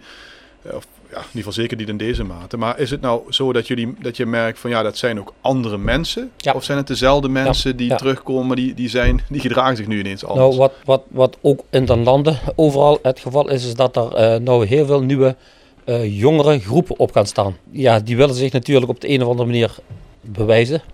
Waarom weet ik niet, er valt niks te bewijzen. Maar je merkt wel dat die nieuwe groepen wel in aantocht zijn. En dan is dat voor ons dan ook heel erg moeilijk om ze in beeld te hebben. Maar we gaan er wel voor alles aan doen om ze in beeld te krijgen. Want nogmaals, ga je ze nou niet aanpakken, denken ze dat ze veel verder kunnen gaan. En ja, dat is hetgeen waar we nog voor staan. Die excessen even een halt toeroepen. Helaas eh, vertelt inderdaad eh, de, de, de psychologie erachter ons ook wel op het moment dat je, als het geweld in je stadion en in je supportersgroepen verhardt, dan zal je beveiliging moeten mee verharden. En dat is niet wat we willen, want we waren als Roda zijn ook bezig met een normalisatie van maatregelen. En dat zou je ook willen. Er is een tijd lang geweest dat hier nauwelijks maatregelen nodig waren. Ja. En dat is iets waar we natuurlijk ook heel graag naartoe willen. Eh, en ik kan me ook voorstellen dat nu luisteraars denken en denken van ja, eh, dan begin eens vriend. Kan, ik me, kan ik me heel goed voorstellen. Maar ehm, he- eh, en, en daar, daar zou ik het heel graag over willen hebben, ook in onze communicatie. Ehm, laten we het hebben over het gedrag in plaats van over de sanctie. Nee, dat, dat, dat snap, ik, dat snap ik dat je dat zegt. Maar bijvoorbeeld hè, de voorbeelden die jij nu noemt, Errol net, hè, en, en jij ook Bart, eh, denk dan van... Voor mij als relatieve buitenstaander, ik sta ook op best met mijn zoontje, die komen voor mij redelijk uit de lucht vallen. Maar goed, dat is ook, het gebeurt allemaal achter je rug eigenlijk. eh, en bij, bij zo'n ingang, ja, weet je wat daar gebeurt? Ja, je ziet wat je zelf binnenkomt, maar daarna dan, dan heb je daar geen zicht meer op. Hè? Maar net zoals bij die maatregel tegen Ajax, ook die maatregel tegen Almere, die kwam voor ons redelijk uit de lucht vallen. Hè, dus, dus de dingen, hè, terwijl dus, wat jullie zeggen, dus eigenlijk een opbouw. Hè? Dus niet alleen wat er bij Eindhoven gebeurde, maar ook echt die wedstrijd daarvoor. Een instapeling van. Hoe, hoe zit het daarmee? eh, Zijn daar wel gesprekken gevoerd met, met, met mensen uit de supporters zien dat jullie zeggen van hé, hey, wij zien dit gebeuren hier. Het, het feit dat als er geen stoert zijn, dat er geen wedstrijden is, dat weet volgens mij iedereen. Hè? Ja. Dus, dus dat we die mensen keihard nodig hebben, dat weet iedereen eigenlijk. Nou, we hebben de afgelopen, dat is Bardo afgelopen dinsdag hebben we dat gesprek gehad. Ehm, daar zijn deze dingen ook duidelijk naar voren gekomen en ook, nou ook duidelijk besproken. Eh, nogmaals, communicatie, daar hebben we er ook al over gehad. Laat soms te wensen over van beide kanten. Dat is wel iets waar we nog harder aan gaan werken. Dus dit is wel heel belangrijk om dit soort dingen nog hard beter op te gaan pakken. En dat is wat jij zegt, beter de, de sportsverenigingen bij betrekken en het hun maar meteen even wijs maken van ja, dit gebeurt er. Ja, maar dan kreeg je ook de vraag, waarom spreken jullie wel met 16 en Voice of Calais en niet met andere supporters? Dus Kyle, bij deze antwoord, er is al gisteren gepraat met de supporters. Dus eh, we zijn niet de eerste Maar waar is mee er ook met gesproken wordt. gesproken eigenlijk, of niet? Met Kyle? Nee, dat, Nou, Ik vermoed nog niet. Maar ja, misschien zit Kyle wel bij een actieve supportersgroep. En dan, is er dus ook aanmelden. indirect met hem gesproken. Ja, ja. dus. Kijk, ik, eh, ik, ik heb ook eh, aangegeven in, eh, in de meeting met de supportersvereniging, met eh, ehm, het fanproject, van eh, nadat er een incident plaatsvindt, dan eh, ziet mijn zaterdag er meestal wel uit eh, dat ik eh, in ieder geval een, een, goed anderhalf uur telefoontjes pleeg met onder andere Jordans en eh, ook met Cyril en Errol van eh poeh, het was gisteravond toch, eh, toch wel even heftig, Eh, hoe zitten we erin en eh, wat, eh, wat, eh, eh, ja, wat is de informatie die we op dit moment hebben. En ik zou daar heel graag aan willen toevoegen, dat ik daar gewoon nog een paar telefoontjes aan toevoeg. Nou, met mensen die eh, in het supporters gebeuren staan. Ja. En eh, ik denk, ja goed, wat Errol heeft weten te Dat doe je ook of dat wil je gaan doen? dat wil ik heel graag doen. Oké. En dat, dat was mijn volgende zin. Waar Errol, eh, wat Errol heeft kunnen opbouwen in, in zijn jaren van storing, eh, mis ik natuurlijk eh, dat ik een hele hoop eh, supporters niet zo goed ken als dat Errol ze kent. En dat je dus niet even op zaterdagmiddag de telefoon pakt en zegt van hé, hey, ehm, ik zou graag even met jou het gesprek over aangaan over gisteravond. Zonder dat mensen zich meteen eh, aangevallen voelen, want dat is helemaal niet... ehm, de strekking. Eh, het gaat dan juist om meer informatievergaring en meer invalshoeken op, op een incident of op ehm, ja, iets wat er gebeurd is die avond. Denk je dat die maatregelen die nu al gebeurd zijn, en dat je zegt zelf tegen mij, ja, ja ik heb ook eens op Facebook gekeken, eh, stel een vraag, ik merkte al dat er een paar extreem negatieve eh, reacties bij zaten. Heb je het gevoel dat hoe het nou begonnen is, dat dat, dat gaat bemoeilijken voor jou? Zeker of, denk, of denk je, ja. dat, dat kan ik wel, dat, dat kan ik op de een of andere manier, krijg ik dat wel gedraaid? Ik zou hem heel graag willen draaien. Maar voor een gesprek heb je wel twee mensen nodig. Eh, of in ieder geval twee partijen. Dus ik hoop in ieder geval wel dat mensen eh, mij, en dat heb ik ook weer dinsdag gezegd in, eh, in het overleg. Ik hoop dat ik het vertrouwen mag hebben van mensen om, om dat gesprek inderdaad aan te gaan. Want ik wil heel graag die dingen goed doen voor de club. En mijn bijdrage leveren aan de club. En daar zal ik supporters bij nodig hebben. Dus hoe meer supporters dat ik kan spreken. En eh, hoe meer invalshoeken dat ik daarin krijg, des te beter. Dus eh, ik zou dat heel graag willen doen. En eh, ik denk dat, daar een, dat er een hele hoop mensen op de tribune zijn die een, een, een, een goede achterban hebben. Veel mensen om zich heen hebben. En ik denk dat we, met die mensen een heel goed, ja, die mensen gesprekken moeten voeren. Errol, je gaf net aan, of, of Bart, ik weet niet, van jullie zei dat ehm, toen, dus, toen de, na, na Eindhoven uit, hè, of de, die avond of de nacht daarna, eh, gaven mensen aan van ja, wat ons betreft gaan we drie uitwedstrijden niet mee. Hè. Dat, dat, dat duidt echt erop van ja, het zat ze echt Is eh, dat me- echt meer dan tot hier. ja? Zijn, ben je daarna nog met, eh, want er zijn, er zijn geen wedstrijd meer geweest, Almere is geweest natuurlijk, maar daar zijn we niet geweest. Maar zijn er daarna nog gesprekken geweest, hoe zitten mensen daar nu in? met, we hebben daarna wel gesprekken gehad, ehm, Bart en, en net zoals ik. Zij zien ook dat, we er, dat er ook Roda er werk van heeft gemaakt. Dat Roda ook nou eens een keer achter zijn stoering heeft staan. Eh, dat de directie nou ook eens een keer achter de stoering staat. En dat is wel dat setje die ze ook nodig hadden. Eh, nu, op dit moment, is de situatie ook een beetje bij hun berust. Eh, dit wat er allemaal is gebeurd, is ook wat op social media ook over Bart en over het geheel is gesproken. Dat doet ze natuurlijk ook wat. Eh, daar vinden ze ook wat. En daarin hebben ze ook afgegeven van, ook hierin gaan wij achter onze nieuwe veiligheidscoördinator Bart staan. En wij snappen ook wel, hij verdient het ook niet dat hij die gewoon over zich heen krijgt. Wij zijn eigenlijk degene waar het om gaat. Dat is ook zo. Maar de rust is iets wedergekeerd. En ze zien nou dat we er van alles aan doen. Ook met gesprekken met jullie. Ook nou ook eh, de, de podcast. Eh, we willen het wel bespreekbaar maken. Naar alle supporters. En het besef krijgen ook bij die supporters. Niet alleen de goede, maar ook juist die kleine groep. Waar het eigenlijk om draait. Dat die ook eens een keer besef krijgen van waar zijn we mee bezig. Dit is niet wat wij als Rode IC willen. ik, ik, ik, ik, ik, weet niet jij dat tegenaan komt, maar ik heb het idee dat, dat, dat je twee werelden hebt die mijlenver van elkaar staan, zeg maar. Hè? Dus, dus de, zeg maar de supporter die gewoon een wedstrijd bezoekt Ja. en die dat eigenlijk op de achtergrond allemaal totaal niet meekrijgt. Ja. Tegelijkertijd de wereld van de stewards, wat die over zich heen krijgen, zeg maar. En ja, ik denk de stewards nog wel weten hoe supporters zijn, maar, maar, maar andersom, mensen krijgen dat niet mee. Draai een beetje rondjes, maar op het moment dat je dat dan ook niet, of, of eigenlijk onvoldoende Mhm. bespreekbaar maakt, Ja, dan blijft dat zo Want natuurlijk. dat is wat Errol net zegt. Hè? Als je, als, als, daar, daar, daar heeft Roda zelf ook nog veel in te leren. Hè? Niet, niet alleen in deze communicatie. Dat hebben we zelf gezien ook in hele andere thema's. Dat Roda qua communicatie niet zo heel goed is geweest het laatste jaar, de laatste twee jaar. Maar kijk, wat Jordans wel altijd heel goed doet, is voor de camera gaan staan. Als er iets niet kan, of als er een kortingsactie is, of weet ik veel wat, of als een speler nieuw is. Maar ga dan ook eens voor de camera staan en leg dit heel duidelijk uit naar iedereen Ja. die niet in een actieve supportersgroep zit, die dat niet te horen krijgt, die, die inderdaad bij die 300 mensen hoort bij Eindhoven, die eigenlijk niet begrijpen waarom ze niet naar Almere mogen. Want daar zitten veel mensen bij die begrijpen dat niet. Nee, En, en dan, dan krijg je wel Ja. iets, hè, dan posten mensen wel iets op, op, op, op een Facebook of een social. Kritisch, zoals Bart heeft gedaan, maar ook supportersgroepen aan zich ook kritisch. Hè, zoals het fanproject heeft gedaan bijvoorbeeld en dergelijke. Maar als er van Roda uit een heel duidelijk iets komt, of van de stewards uit, of Roda namens de stewards of wat dan ook, dan kan ik me voorstellen dat mensen ook veel meer begrijpen, dit speelt er allemaal. En dan kan iedereen een, een completer beeld vormen. Begrijp wat ik bedoel? Want nu is het echt, schachtig, Almere dicht, er zijn dingen gebeurd, maar dit is het besluit, klaar. Ja, en dan krijg je natuurlijk dat heel veel mensen, ik zal maar zeggen, leken als supporters in deze kwestie zeggen van, ja, what the fuck is dit? Ja, maar ik, ik, ik, ik had het zelf zelf. Hè. Ik bedoel, ik, ik was bij Eindhoven geweest. En de, geloof de maandag of de dinsdag Ja. daarna, op een gegeven moment kon het bericht. En ook, weet je, Roda is klaar met agressie van fans. Ik denk, wat wat de fuck, we hebben het over? Dan ga ik even wat appen met wat, wat vrienden eh, uit de scene. Van, goh, is dat met jullie gedeeld, Roda of zoiets? Eh, nee, wij, wij staan ook vol voldongen feit. Wij krijgen ook alleen. En dan krijg je heel snel eigenlijk het onbegrip eh, Ja, daarin, hè. I- Ah, dan krijg je ook heel snel een anti-houding, ja. iedereen heeft ook zijn haakjes, hè. Van dat je denkt van, nou, die, die, eh, eh, hè, als er iets besloten wordt, dan zal er wel op zijn minst met hem of haar besproken zijn. En dan weet hij daarvan en dan Ja. kan hij dat uitleggen. Eh, maar dat, ja, dat, dat ontbrak nu. En dan krijg je denk ik heel snel dat mensen denken... ja, de verhaal die jij nu vertelt, Errol, en die jij vertelt, Bart, die, die, die, die kennen mensen eh, Niet. niet. Ja, ja. Nee. Ik denk dat we dat absoluut beter moeten doen. Niet eens kunnen, maar moeten doen. Ja, dat kunnen we ook, maar dat moeten we ook doen. Kijk, dat gesprek dat zal, zal eerder moeten plaatsvinden. En of dat dan meteen iets afdoet aan, eh, eh, aan eh, de uitkomst. Kijk, en in, in dit geval werd het heel erg uitgelegd als een sanctie die we nemen. En eh, ja, als we een sanctie nemen, dan zal de sanctie ook heten: we, ver- we eh, eh, verbieden het supporters om mee te gaan. Maar dit was een gevolg. Eh, dat onze stoers niet mee willen, is een gevolg dat uiteindelijk de supporter niet mee kan. En er is niemand die er meer van baalde dan ik, want ik zat wel in Ja, Almere. elke, elke media kopt dit wel, hè. Elke knip en plak site, van de Limburger tot VI en toe kopt. Roda legt verbod op uitsupporters. Nu- Nu.nl. Ja, en dan, ja, maar dan, Ja, dan die- staat er We Roda legt wel, wel, we hadden wel wel landelijke nieuws een keer. Daarmee is het zaadje al gezaaid.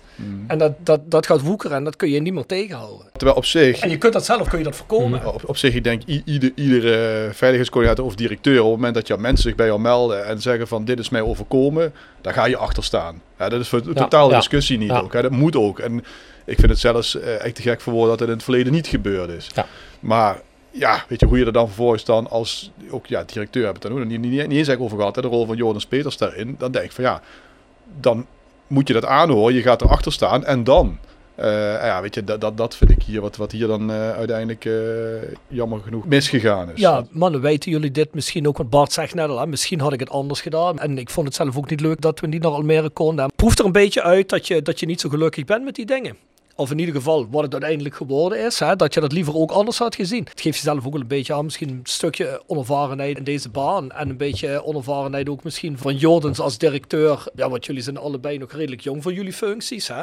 Dat je zegt van ja, wij dachten het zo goed te doen. Maar misschien naderhand, als we dat nu eens evalueren, wat dat allemaal teweeg heeft gebracht, misschien toch anders gedaan. Nou, ik, ik denk dat ik er wel achter ben gekomen dat een, eh, een, een goed besluit eh, kan fout uitpakken of kan ver- vervelend uitpakken. Ehm, want ik vind nog altijd dat het besluit wat we hebben moeten nemen het enige juiste besluit is. Eh, alleen de, het is een besluit, uiteindelijk hadden we hem liever niet genomen. Eh, en dat is het gezamenlijk doel wat we allemaal hebben. Eh, wij willen graag een vol stadion hebben. Wij willen graag leuke sfeeracties hebben. Jullie, maar in, in, voor mijn gevoel, en waar ik ook heel graag naartoe wil, is dat we het niet over wij en zij hebben, of wij en jullie, maar dat het wij is als Rode JC, hè, met de supporters. En wij willen met z'n allen leuke sfeeracties, we willen volle stadion en volle uitvakken. Ehm, en dat is, dat is de basis. Dus ehm, sancties opleggen eh, kost mij meer werk dan dat ik zou willen. En is ook het laatste wat we willen. Hè? En dan, dan, hè, sancties, dan ook eh, een stadionverbod of een huisverbod of eh, een gesprek met, met een supporter. Dat, dat kost heel veel tijd. Ehm, alleen, ja goed, we moeten ons ook ervan bewust zijn dat ehm, de vader met de zoon en de opa met kleinzoon ook in het stadion zitten. En dat voor hun het stadion veilig moet zijn en veilig moet blijven. En dat is continu wel die wake-up call van eh, voor hun moeten we door blijven. Eh, voor hun moet, moet veiligheid wel, eh, ja, veiligheid moet één zijn hier. Hey, voordat we daarop doorgaan, Rubriekje. rubriekje. Ja. Jolis Jo wordt gepresenteerd door RodaJC.goals. Het Instagram-account voor je dagelijkse portie Roda-content. Iedere dag een doelpunt uit onze rijke historie. Van Aruna Kone tot Shane Hanze. Van Bob Peters tot Dick Nanninga. Volg rodejc.goals op Instagram. Tevens gesteund door Metaalgieterij van Gilst. Sinds 1948 uw plek voor gietwerk in brons. Van brons, van Gilst. Ja, Errol denkt van, waar heb je het over? Die, die staan natuurlijk altijd met zijn rug naar het veld en zo, of niet? Die, Ja, eh, ja, ja, Krijg, ja. je eigenlijk iets mee van de wedstrijd, Errol, of niet? Zie je meestal de wedstrijd pas thuis op televisie terug. Ja. Ja, oké, maar dan zien we Ja, natuurlijk... helemaal Bart zit hier in deze ruimte, Ja, dus die kan precies. het heel goed heeft zien. eh, paradijselijke... Maar die moet natuurlijk voortdurend naar die westtribune. eh. Ja, ik denk niet naar Noord hier. Daar wordt, ook, Moela. daar, daar wordt ook gescoord, natuurlijk. Maar Jonas Joel, kennen jullie rubriek? En ja, de voor, vorige eh, keer, de, de mooiste Goal? goal van Roda. Of de Ja, mooiste Ja, ja. Ja. We hebben er een paar die, die verbieden we, hè. Ja, die van K natuurlijk, hè. Ja, ja, ja, ja, Dat ja. is 20 keer genoemd Fladeren, zijn. Ska, Luiper. Ja, ja. K. Luipers mag niet. Rest eh, heb je nog een mooie ja, ik heb de vorige keer heb ik toch aangegeven, die van eh Mitchell Polis heb ik toen aangegeven. Ja, mag, nog, 0-1. mag nog eentje. Ehm, mag nog één. Ik heb er voor mij al vijf in staan of zo. eh. Of Bart, weet jij er eentje? Ja, ik, eh, ik moet even denken, ja goed, eh, natuurlijk in het, in, het, in het leef van Rode VVV zou je heel snel K zeggen. Ja, Eh, maar dat is ook, eh, die, ja, het, dat is eh, vaker genoemd. ja, precies, weet je, dat zijn, eh, dat zijn de eerste die, eh, die in je, in je Ja, maar Roda, VVV, VVV Roda eh, zitten veel mooie goaltjes bij, hoor. Bart had eh, afgelopen week nog die van Malky. Malky, die vrije trap, hè. Die post Roda trouwens vandaag, eh zag Ja? ik. Ja. Ja, die was... En dan heb je die uitwedstrijden nog, Die, die, hè. die, ja, die, die, die, ja, ook Fladeren is een keer volgens mij eh, bij onderkant lat. Hè. Maar ook eh, een waanzinnig mooie, eh, we wonnen een keer met 0-4 onder Harm van Veldhoven. Echt een waanzinnig mooie aanval. Geloof ik, denk Jonker of Jansen die maakte hem. De commentator ook zei, dus het voetbal dat je bij Barcelona verwacht, maar nu bij Roda ziet. Dat is echt een waanzinnig goede periode was dat. Toen zat Jan van Dijk nog bij VVV. Maar eh, ik, zei ik, ik heb er goed Errol zegt die. Doe, doe maar die zeg Errol. Goed zo, Bart. Ja, die, Doe die die zorg die Bart. Ja, Ja, ja, dat ja. dat, ja, die zorg ik. goed, Goed, Bart, dankjewel. Ja. Ivo Kous weet hem wel te vinden. Aanval eh, afgerond, eh, wie? Ja, ik geloof de 0-2 of de 0-3 was dat. Ik denk, eh, denk dat Jonker hem maakte, of Jansen. Jonker of Jansen. Bal wil je nog in beiden of zeg je, ik, ik vind ja, het ik, best. eh, ik ga dan voor, de, voor toch de ontsnapping eh, eh, van de voet van Tom van Hiefte. Dat eh, is voor mij wel een... eh Kom op, je bent ook al nummer drie, maar die geven we je dan. ja, oké dan. dan verliefd hè, bij NAC. Ja, goed. Blijft altijd, blijft, blijft altijd wel heerlijk om terug te kijken, die. Hè? Ja, dat blijft het zeker. Bart had het net ook over persoonsgerichte aanpak. We hebben tot nu toe eigenlijk wel alleen maar dingen gezien die niet echt persoonsgericht zijn. Mogen wij verwachten dat de toekomst persoonsgerichter is? Of gaat de massa vaker nog gestraft worden voor enkele personen? Want ik kan me goed voorstellen hè, dat wij de schacht staan over twee weken en dat er weer iemand binnenkomt die dan met iets smijt naar een personeelslid of, eh, of een deur de scharnieren trapt. Ja goed, 300 mensen in de schacht om en die zeggen, ja, fuck, gebeurt hier nou weer? Gaat Roda die schacht wel sluiten nu? Hè, terwijl niemand dat wil. En misschien ook niemand die persoon kent die dat doet. Begrijp wat ik bedoel? ja. Want niet iedereen kent iedereen natuurlijk. Hè? Nee, en dat is ook het hele moeilijke van het hele verhaal. Niet iedereen kent iedereen. En ook wij kennen niet iedereen. Eh, de persoonsgerichte aanpak is waar we het hier over hebben. Is ook, ook echt persoonsgericht. Op het moment dat iemand iets uitvreet, iets uithaalt. En wij weten wie de persoon is, dan wordt hij ook echt persoonlijk aangepakt. Dus we kunnen niet verwachten dat dan alweer, als iets rondom de schacht gebeurt, dat de schacht dan ook weer plots klap dicht is. Of hoe moeten Nee, we ik, dat denk, gaan zien? ik denk dat dat zeker niet in de lijn der verwachting eh, zit. Ik denk dat het ook zeker niet is wat wij, eh, wat wij beogen. Of eh, eh, wat, eh, wat hoog op het, op het lijstje staat om, om ooit nog eh, uit de kast te gaan trekken. Ik denk, eh, zoals jullie het eh, in, de, in de podcast over Almere uit zeiden, hè, eh, die gereedschapskist, daar zitten een aantal eh, middelen in die, eh, die je uit de kast kunt trekken. En dit is er eentje die, die moet je eigenlijk uit de gereedschapskist halen en niet willen gebruiken. Ik denk dat we, dat, dat we zoveel ook geleerd hebben. Kijk, die persoonsgerichte aanpak, dat, dat wil je altijd. Ehm, omdat je daarmee juist de mensen die het niet goed doen ehm, bestraft. Alleen daarin is het heel erg belangrijk wat je kunt bewijzen. En eh, ik denk eh, dat daarin eh, uiteindelijk dan ook hoor wederhoor heel erg belangrijk is. Maar ehm, wat je kunt bewijzen, maar ook wat je wel en niet ziet. En wat we gelukkig wel heel erg zien, en dat is ook iets waarvan ik weet dat Jordan het heel erg hoog in, het, in het vaandel heeft staan en, en heel erg blij mee is, is dat we zien dat ehm, meer en meer supporters het beginnen te veroordelen, maar ook aangeven van, hey jongens, eh, dit gebeurt hier, let daar eens op. Dit gebeurt daar, let daar eens op. Het is deze persoon die telkens weer met bier gooit. Eh, hij zit daar en daar. En dat is misschien eh, klikken, ehm, maar het maakt het voor ons wel een heel stuk makkelijker. En ik snap ook Ja, dat dat zeker dat in voor die- jullie gemakkelijker is, begrijp ik wel. Maar het is, Nee. is wel gewoon een verklikcultuur. Ja, ben- daar- sorry, maar daar ben ik persoonlijk helemaal geen fan van. Nee, dat, Dus, dat, dat eh, snap ik. Maar in het, eh, hè, dit komt voort uit die verharding van het geweld. Dat mensen dus eh, dan gaan zeggen, ja, ik stap zelf niet op hem af om te zeggen, jij moet niet met dat bier gooien, want dan heb ik een vuist in het gezicht hangen. Of word ik zelf uitgehuwd, aangeschreeuwd. En als het dan voor mensen veiliger is om inderdaad te zeggen van, hé hey, luister, deze gast blijft voortdurend tegen stoeltjes aan trouw. Blijf voortdurend met bier gooien. Blijf voortdurend uh, verbaal of bedreigend agressief tegen andere mensen. Dan willen we daar heel erg graag iets mee doen. Alleen het is vaak niet zo makkelijk om dat dan ook per direct te doen. En um, op basis van dit seizoen hebben we op de eerste twee thuiswedstrijden hebben we een vooronderzoek gekregen van de KNVB. Dat weten veel mensen niet, want als het een vooronderzoek is, dan hebben we nog de kans om uh, onszelf te verdedigen. In het verhaal uh, horen, horen we van ja, wat is er nu gebeurd? Wat heb je gedaan voor, tijdens en na de wedstrijd om het te voorkomen en om het in de toekomst te voorkomen? Heel even wat voor je over doorgaat. Op basis van wat, wat was dat dan? Uh, voornamelijk bier gooien en geweldsincidenten. Toch? En nu Eindhoven is ook weer een vooronderzoek gestart door de KNVB naar aanleiding van het geweld uh, buiten, het, uh, buiten het uitvak. En dan, uh, dan moeten wij gaan, ja, ons gaan um, ja, verdedigen, maar we moeten ook uitleggen wat je wel en niet hebt gedaan. Zeg maar. Kijk, uiteindelijk is voetbalgeweld niet te, niet te voorkomen. Dat kun je ook niet uitdammen, nooit. Dat bestaat niet.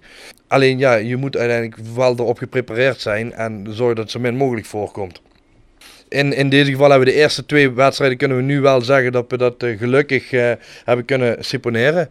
Door een uh, persoonsgerichte aanpak. Dus door mensen die bier gooien een stadionverbod te geven. Want uiteindelijk zal de KNVB vraagt dan ook van ja goed, zijn er sancties opgelegd? Zijn er stadionverboden uitgegeven voor deze feiten?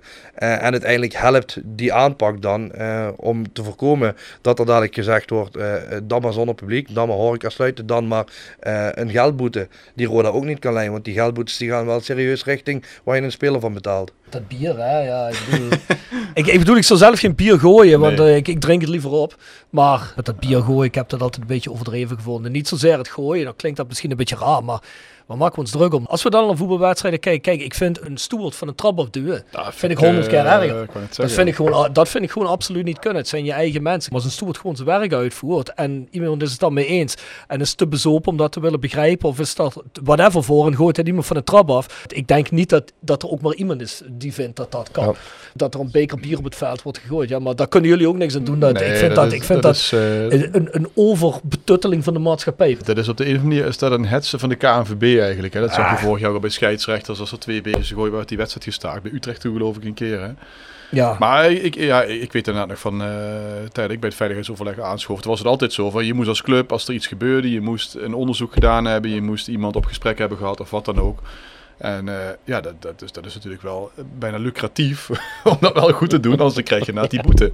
Ja, die, uh, ja weet je, dat, dat, dat, ja, dat, dat zijn natuurlijk de spelregels waar je als club aan, hoe heet dat, conformeert als je ja, aan, de, aan de competitie ja. meedoet. Uh, ik, ik heb dan haast zoiets ook van, als club moet je dat wel voor zijn. Ik zou haast zeggen van, zorg ervoor dat je je begroting daar bijna een postje voor opneemt. Want je weet eigenlijk bijna zeker dat er uh, incidenten plaatsen. Weet je, heeft de club dat eigenlijk of niet? Een soort stroppenpotje of zo uh, voor het ja, seizoen? Wat, wat, we, wat we wel hebben is voor uitwedstrijden een soort van calamiteitenfondspotje. Ja. Ah. Dus dat er, uh, dat er een bepaald bedrag op de ticketprijs zit. Waarmee dat wij een, een, een calamiteitenfonds inbouwen. Dat op het moment dat er inderdaad toiletten worden gesloopt of een stoeltje kapot gaat, dat we dat kunnen repareren. Dat dat niet ten koste gaat van de club. En niet voor stickers hebben. Stickers nee, nee. Maar dan kun je er dan Rob, achterhalen. uh, Rob, Rob weet wat we doen.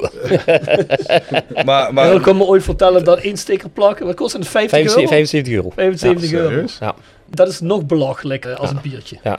En dan kwam dat wel heel altijd vervelend over. En daar hadden we best wel leuke gesprekken over. Maar... Is dat nog steeds gebeurd? Dat stewards uh, het vak nalopen voordat de spots arriveert, toch? Om te kijken welke stoeltjes ja, los zitten. Ja, omdat ja, we een keer, uh, terwijl we zeker wisten dat iemand iets niet gedaan had, toch een stoel los was of zo. Ja, ja.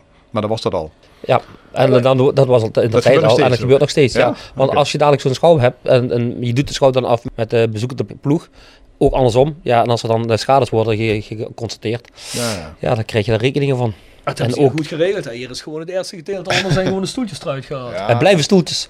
het, het, het zitgedeelte zit er wel nog. Hè, ja, daarom, het blijven stoeltjes. Je kunt erop zitten. Dus er is een calamiteitspotje, zeg jij Bart. Goed, dus er wordt ergens wel rekening mee gehouden. Eh, betekent niet dat, eh, dat Nee. we dat potje iedere wedstrijd willen aanboren, omdat er nu bij drie uitwedstrijden al het sanitair vernield wordt. eh, de. Nee, precies. maar het, ging even naar om van, ja, je weet, je weet natuurlijk Ja. wel dat er iets gebeurt. Eh, op het moment dat je als club daar totaal niet op voorbereid bent. Ja, want dan laten we ook eerlijk zijn, het hoort ook, of je het nou wil of niet, maar het hoort ook een beetje bij voetbal. En ik, daarmee wil ik niet zeggen dat alles door de beugel kan, maar ik kom al sinds 1981 of zo bij Roda als, als klein jongetje. Ja, als je de jaren 80 en 90 bekijkt, als je ziet wat daar gebeurde, dat is niet normaal. Dat gebeurde in één wedstrijd wat hier in het seizoen gebeurt. Nee, nee, kijk, dat, is ook zo. Eh, Maar, maar juist daarom ook, weet je. Je, je weet, je hebt duizenden mensen op bezoek, dat weet je. Er zitten altijd een paar eh, bij die zich niet gedragen of wat dan ook, die iets lopen. Ja, als je als club daar helemaal niet op, op bedacht bent en je komt direct qua begroting en zo in de problemen, ja, dat is ook niet slim natuurlijk. Nee. Wij, wij, wij willen ook zeker niet als eh, te, te boek staan dadelijk binnen, binnen het fangebeuren als, als de jongens die alleen maar willen straffen. Hè. Kijk, in Eindhoven ehm, eh, heeft Eindhoven bijvoorbeeld heeft heel erg duidelijk aangegeven in hun vooroverleg dat ze niet willen dat er doeken eh, voor het uitvak eh, worden gehangen aan de hekken. Ja, vervolgens dan, dan worden daar toch doeken aangehangen. Eh, dan proberen we die mensen terug over de hekken te krijgen met de doek om ze ergens anders op te hangen. Ja, er stond Eindhoven wel al heel hoog naast ons van ik wil namen hebben, ik wil stadionverboden gaan leggen. En dan hebben wij, hebben wij toch wel heel erg zwaar ja, voor advocaat gespeeld om te zeggen, maar we hebben ze toch terug in het vak. En Ik eh, zeggen, de wedstrijd is er niet begonnen. goed, de, doeken hangen. Toen weet ik binnenkwam, het is- hingen de doeken niet aan het hek. Precies, eh, het is toch, het is toch goed gegaan. Het is, toch, het is toch goed gegaan. En eh, Tweede helft komt. Kijk, uiteindelijk wordt er door onze supporters gezegd, ja maar bij MVV mocht het wel. Maar wat de supporter dan niet ziet is dat eh, MVV er geen gehoor aan gaf aan hun bericht. En dat vervolgens in het eh, meldingssysteem van de KNVB wel een melding staat over dat MVV een club is die niet te sturen is. En eh, dat dus voor hun waarschijnlijk geldt dat volgend jaar alleen maar een verplichte buscombi wordt. Kan ik me zomaar voorstellen. Maar dat is dus het gevolg van, eh, eh, van informatievoorziening die er op dat moment niet is. En kijk, we kunnen ook niet alles eh, altijd aan iedereen vertellen. Maar als wij zeggen van het doek mag daar niet hangen, is dat niet zonder. Is niet, niet omdat wij het niet mooi vinden. Dan is het echt wel omdat er een reden voor is. En kijk, dan willen we ook ehm, absoluut zorgen dat de supporter daardoor, eh, daardoor geholpen wordt. eh. Is dat iets wat die club zelf helemaal mag bepalen? Want ik vond het inderdaad ook, eh, ja, het, is, het staat voor de tv natuurlijk prachtig als die doeken daar wel hangen natuurlijk. Hè? Nou, Ja. dan zijn er volgens mij geen reclameborden of zo waar ze dan voor hangen. We hebben hun te maken met hun camera's. Dat hun, veiligheidscamera's niet in het Ah, uitvak dan konden kijken. Ja. En eh, ja, goed, als wij dat vinden, ja goed, we hebben gewoon een, een, een topstadion wat dat betreft. Gebouwd op de UEFA-norm. Dan, eh, ja goed, bij ons eh, mogen ze hangen waar ze willen, hangt het nog niet in de weg. Maar dat is helaas eh, in dit soort stadions niet het geval. Hey Errol, het ging net over de stewards. Hè? Nou kreeg een vraag binnen via Instagram, JFP90. Die zegt, er zijn al jaren geluiden dat Roda zijn steward slecht behandeld. Nu doen enkele supporters hetzelfde, wat niet goed te praten is natuurlijk, zegt hij. Maar nu is er een probleem. Hoe is dit te verantwoorden naar de supporters? Dat is de eerste vraag die hij stelt. Dus ik denk de strekking van het verhaal is, de stewards hebben zich dat misschien wel laten gevallen door Roda zelf, maar laten ze zich het niet door de supporters eh, gevallen. Dus waarom trekken ze een streep nu Ja. bij het supporters gebeuren en niet door eh, hoe ze door de jaren heen door Roda zelf behandeld zijn? Ja, dat is natuurlijk wel heel erg zwaar om te zeggen van hoe ze door Roda behandeld worden. Kijk, iedereen heeft natuurlijk zijn eigen interpretatie van een behandeld worden door. Eh, kijk, je hebt stewards die hier hun werk goed doen, die zich heel goed voelen. Je hebt ook stewards die, waar iets mee gebeurt, die zelf niet tevreden zijn. En dan heel makkelijk zeggen van, we worden niet goed door Roda behandeld. Waar ligt de grens en waar, waar ligt het aan? Wat bedoel je van, we worden niet goed behandeld? Als je, als je met niet goed behandeld bedoelt, eh, Ja. eh, niet voldoende gewaardeerd, dan denk ik dat, we, dat wij dat onderstrepen en Ja. dat we ook zeggen, van, ja goed, Dat we er daar is- een er inhaalslag in Er moeten is in maken. het eh, verleden te weinig gebeurd. Dat merk je nu ook aan het aantal actieve stewards wat je nog over hebt voor een wedstrijd. Hè, dat zijn er minder dan 70. Dat is ook landelijk overigens. Ja, ik, ik denk dat we ehm, zeker met, dit, eh, met deze directie achter ons ehm, hier flinke stappen in kunnen maken in de waardering van onze. eh, Van onze mensen. maar dat, ook dat heeft er alles mee te maken met of je directie eh, inziet dat dit onze medewerkers zijn met z'n allen. Van Roda, van de club. En dat die niet ja, bij de tegenstander horen. Dus, we- dus we kunnen nu van, eh van Jordans verwachten, omdat hij ergens zijn medewerkers ziet, dat dat een beetje beter gaat worden nu. ja, Ja. Polonaise door Ja. Luc, denk ik. Onder andere. Ja, Joris heeft wel ook al aangegeven dat, dat hij er wel iets mee gaat doen. Wel- welke, dat is ook een vraag ook van JFP90, maar welke tools eh, heb je eigenlijk ook als stewardorganisatie? Hè? Bijvoorbeeld stel er komen die nieuwe mensen eigenlijk Mhm. je aangaf hè, op West. Ja, moet ik even zeggen hoe, hoe ik zijn vraag het beste vertaal. Ehm, hoe eh, zorg je ervoor dat je daar grip op krijgt? Wat, wat, wat, wat, wat kun je daar, eh, wat kun je daar als stewards aan doen? Dat je die mensen, weet ik veel, leert kennen of dat je... Nou, het- het- Dat er een respectrelatie Ja. ontstaat. Nou, de respectrelaties. eh, Je kijkt, je, de stewards zijn de, de, de, de gastheren, gastvrouwen van de club. Het zijn de mensen, het zijn de eerste mensen die je tegenkomt als je de poorten binnenkomt. Eh, en je moet een relatie moet je opbouwen. Net zoals wij dat hebben gedaan, net zoals onze stewards dat moeten doen. Maar het moet van beide kanten komen. Het moet wel een besef zijn dat je elkaar ook wil accepteren. Wat heel vervelend is en wat ook niet meewerkt, is de, eh, wat ook op social media aangegeven wordt. Dat stewards worden eh, vergeleken met ja, in, in dit geval eh Licom, met alle respect voor Licom mensen, want dat zijn ook hele goede mensen die wij ook zeer waarderen en die we ook allemaal in onze maatschappij nodig hebben. Dus ik snap dan het, het, het vergelijk niet. Maar ja, we zijn mens. En als wij als met elkaar en als elkaar niet als mens respecteren en waarderen, ja, waar ga je dan naartoe? Want daar begint Daar het mee. je. Het respecteren van elkaar, daar moeten we mee beginnen. En dan niet meteen wijzen van, ja maar hij, ja maar zij. Kijk elkaar in de spiegel en, en waardeer elkaar. En respecteer elkaar. Heb jij het gevoel dat gedeelte van de supporters een vijandbeeld heeft bij de stoer? Dus die is tegen mij in plaats van dat is iemand die met mij probeert deze club te laten functioneren. Nou, het, eh, het gros van de mensen, die gaan normaal met de stoording om.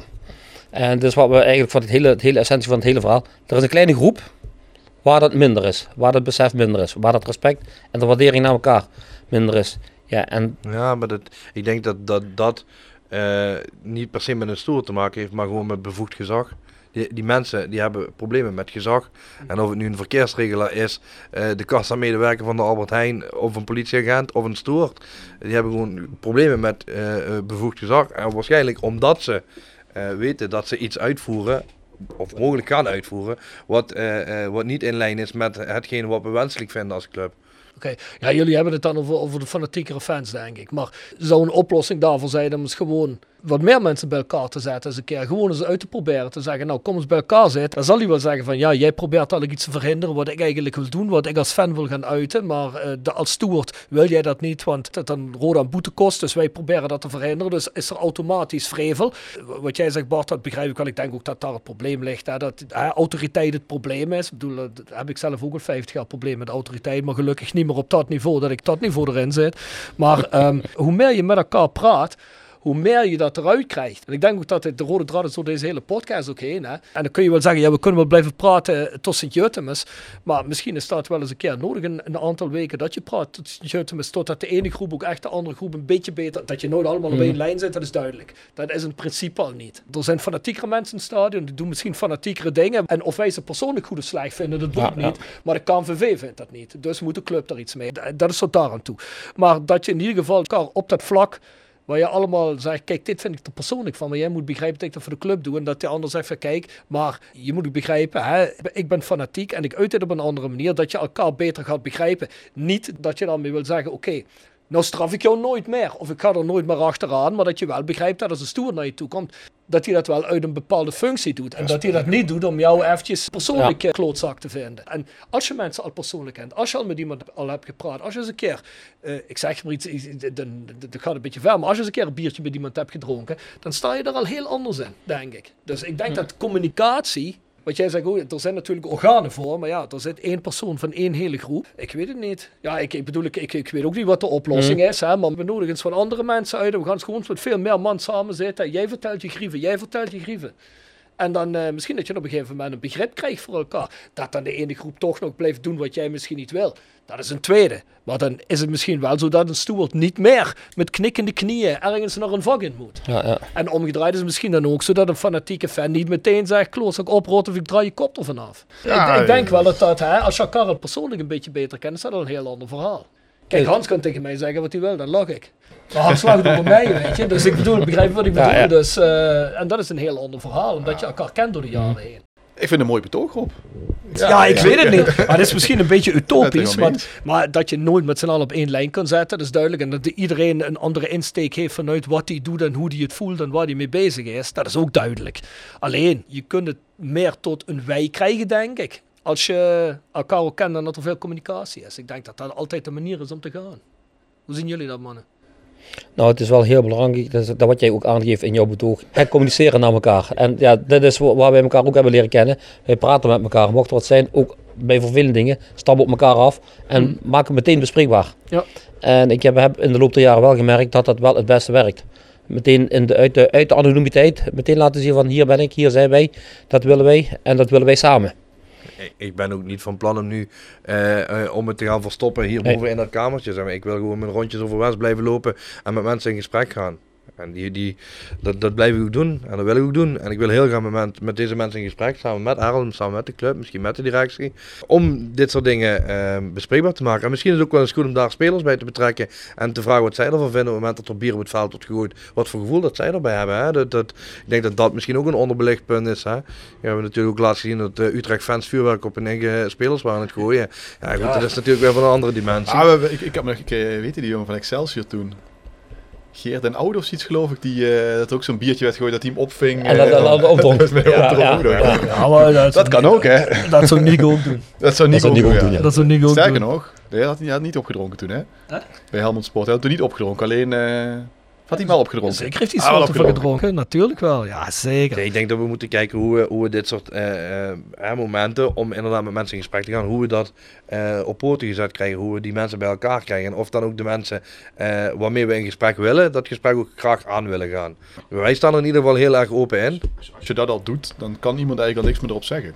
Want als je, als je dan vervolgens dat weigert, Ja. ja. weet je, op een gegeven moment houdt het ook op. Hè? Je kunt niet eh, je kunt zeggen, van, ja, weet je, we, we, we doen een uitnodiging naar een bepaalde groep of zoiets, met stewards erbij. dan persoonlijk. ook persoonlijk, ja. Dan ben je ook af, hè, als je het dan niet doet.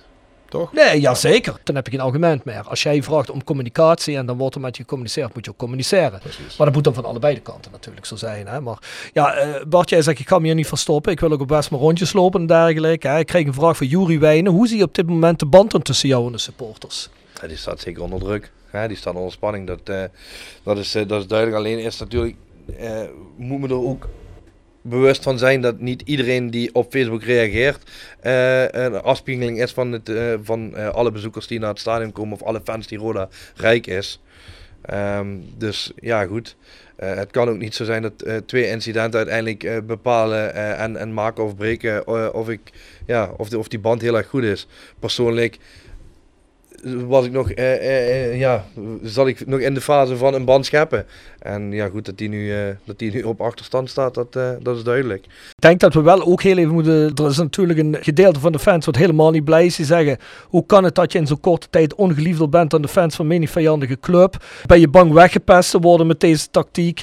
En zo zijn er nog wel een aantal opmerkingen natuurlijk. En dit, Dus- en, en dus- dit zijn de beschaafde, hè, Rob, of niet? Die, eh, Ja, dat, ja, dat zijn, ja maar Bart zichzelf al. Ik heb zelf al eens gekeken. Het, het ging er ook redelijk onbeschaafd aan toe. tuurlijk. Maar, maar daarom vraag ik dat ook. en want- Ties- vraagt wat zijn favoriete frituursnack is. Om even de moed te breken. ja, ja, maar dat is je Maar die hebben, die, favoriete die, die hebben niet frituursnack. meer, toch? Die rubriek. Ja, dat is, eh, is een variantje, zeg maar, waar ze allemaal op zitten. dat is een veilige snack, want Oké. dan heb je nog een beetje keuze. Dus ik kan me goed voorstellen, en daarom vroeg ik dat ook een beetje eerder in de podcast, hoe gelukkig ben je nou eigenlijk met hoe dit gelopen is? Het staat nu zo onder druk. Het wordt hier ook gevraagd door iemand anoniem, mogen we beterschap verwachten? Ja, zeker. Ik denk, hè, voor mij zijn er, zijn er drie dingen die ik overhoud aan alle zelfreflectie die ik eh, de afgelopen weken eh, heb en, en eh, ja, ook moeten ehm, eh, doen. Eén daarvan is ehm, eh, toch wel, kritiek is goed, want kritiek maakt ons beter. Maakt mij beter, maakt het veiligheidsapparaat beter. Dus dat is heel erg goed. Dat een goed besluit of een, een, een nodig besluit ehm, niet altijd goed of eh, prettig kan uitpakken. Eh, Dat is, eh, de- dat is vers 2. En ja, goed dat ik, eh, ja, dat ik heel erg open sta om, ja, om in ieder geval eh, dat gesprek continu aan te gaan eh, met mensen. Ik denk dat dat het Ik allerbelangrijkste denk is. dat dat ook het belangrijkste is. Want kijk, het leidt ook een beetje. Kijk, de dingen die er allemaal gebeurd zijn. eh, hè, dan heb ik het over op de tribune en bij de wedstrijden. Daar, daar kunnen jullie niks aan doen. Ja. Hè, die zijn gebeurd. En, en dat je daarop acteert. Dat snapt ook denk ik iedereen. Ik denk dat het vooral inderdaad gaat over ja, de manier waarop het Persoonlijk is. en- ja. in, in mijn lijn, als ik ook dan kijk naar eh, hoe we het eh, hebben aangepakt vanaf het begin van het seizoen, eh, zijn we heel erg bezig geweest met, de, met intern Roda dingen aanpakken. Eh, en zijn we nog heel erg niet zozeer bezig gekomen om, om te te gaan maar, en om te gaan sturen naar buiten. Ja. Dus alles wat we tot nu toe hebben moeten doen is reactief. Hè? En eh, dat is een reactie op dingen die gebeurd zijn. Ehm, dus ja, goed, is dit eh, hoe ik het zelf voor ogen had gezien? Nee, want het, zijn, het is geen pad wat ik gekozen heb. Het is een reactie die ik heb moeten geven. En ja, goed, daar moet je uiteindelijk ook kritisch op zijn. Zeg maar, zou je het een volgende keer weer doen? Alleen ja, goed, helaas komt wijsheid vaak pas eh, eh, Achteraf. achteraf ja. Dus jij zegt, dit is ook een leerproces voor mij. Ja, tuurlijk, ik ben 28 jaar. Ik leer, we leren met z'n allemaal iedere dag en ik leer heel erg veel. Ehm, en ja, goed, uh, Jordan zei bij mijn sollicitatie heel erg uh, terecht ook, of bij, het gesprek, zegt hij van, luister, we springen samen in het diepe. We zijn allebei nog vrij jong. Samen leren we water trappelen, samen leren we zwemmen. En daarmee wil ik, wil ik zelf niet zeggen dat ik totaal niet weet wat ik hier aan het doen ben. Want dat beeld schuif, ik nu wel een beetje voor mezelf, heb ik het idee. Maar ja, goed, ik denk dat een hele hoop mensen niet zien wat ik en wat wij wel voor de club kunnen doen. En het is nu helaas in het negatieve uitgepakt. Um, en ja, nogmaals, ik zou het heel graag willen hebben over het gedrag in plaats van over de, de maatregelen en de sancties die eraan vastzitten. Want daar, uh, en geloof me echt, uh, heb ik ook buikpijn van. Want dit is ook niet iets waar ik het ochtends voor opsta en denk, vandaag gaan we eens even lekker sanctioneren. Totaal niet. Echt niet. En ik baal, ik baal er nog het allermeeste van als er iets gebeurt. Want dan denk ik, shit, daar gaan we weer. Mm. En heel even verder gaan. Five Aside. Gepresenteerd door Herberg de Bernardeshoeve. Weekendje weg in eigen streek? Boek een appartementje en ga heerlijk eten met fantastisch uitzicht in het prachtige Mingelsborg bij Marco van Hoogdalem en zijn vrouw Danny. www.bernardeshoeve.nl En Stokgrondverzet uit Simpelveld. Voor al uw graafwerk, van klein tot groot. Onze gravels staan voor u klaar. Tevens worden we gesteund door Wiert's Company. Ben je op zoek naar extra personeel? Bezoek het kantoor van Wiert's Company in het Parkstad Limburg Stadion of ga naar www.wierts.com. Five Aside. Hebben jullie eh, dit seizoen een podcast geluisterd? Nee, helemaal niet. Jij wel, Bart? Ja, alleen die van... Uh, alleen die van Almere. Nou, we hebben een rubriek. als jij nou een minivoetbal toernooi had en je mag met vijf Roda-spelers uit de geschiedenis, mag je coachen en je moet dat gaan winnen. Welke vijf spelers zijn dat? Dan stellen jullie samen één team samen. Wie staat er in de goal? Ik denk Titon. Titon. Titon. Ah, dat zeggen toch veel mensen, Titon? Ja. Ja. ja. Ja, Titon. Ja, zeker. Wie moet de goals gaan maken? Ja, ik was vroeger uh, ontzettend fan van Tom Soeters, maar dat is, uh, dat is voor mij echt, uh, ja, toen kwam ik, dat was voor mij het begin van, van mijn Roda-tijd. Ja, voor mij zou ik zeggen, ja, voor mij zou ik zeggen Jonker, maar we moeten samen een team maken. Ja, dus... Tom Soeters en Jonker, ja, ja. ja. dan heb je nog twee mannen over. Ja. dan zou ik toch, ja, pak, me, pak jij het middenveld? Ik, ik, kies liever een, eh, een verdediger uit. Okay. Dan uh, zou ik, uh, zou ik voor Gerrits aan gaan. Ja. Goed, ja. dan zou ik gaan voor de Beulen. Ja? Beulen? Ja. Oh, dat is Die was ik alweer vergeten eigenlijk. Ja, dat is een bijzondere naam. Ja. wel bikkelen. En, voor de Beulen?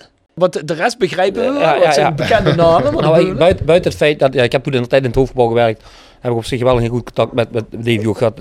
Is het heel aardig, was een heel aardige, leuke jongen, maar hij had toch wel die drive om, om heel erg door te gaan. Ik, ik, ik heb ooit nog een keer ergens een weddenschap afgesloten, weet je, toen, altijd als die invallen, wist je, die pakt binnen nu een vijf minuten geel. Ja. dat was echt standaard.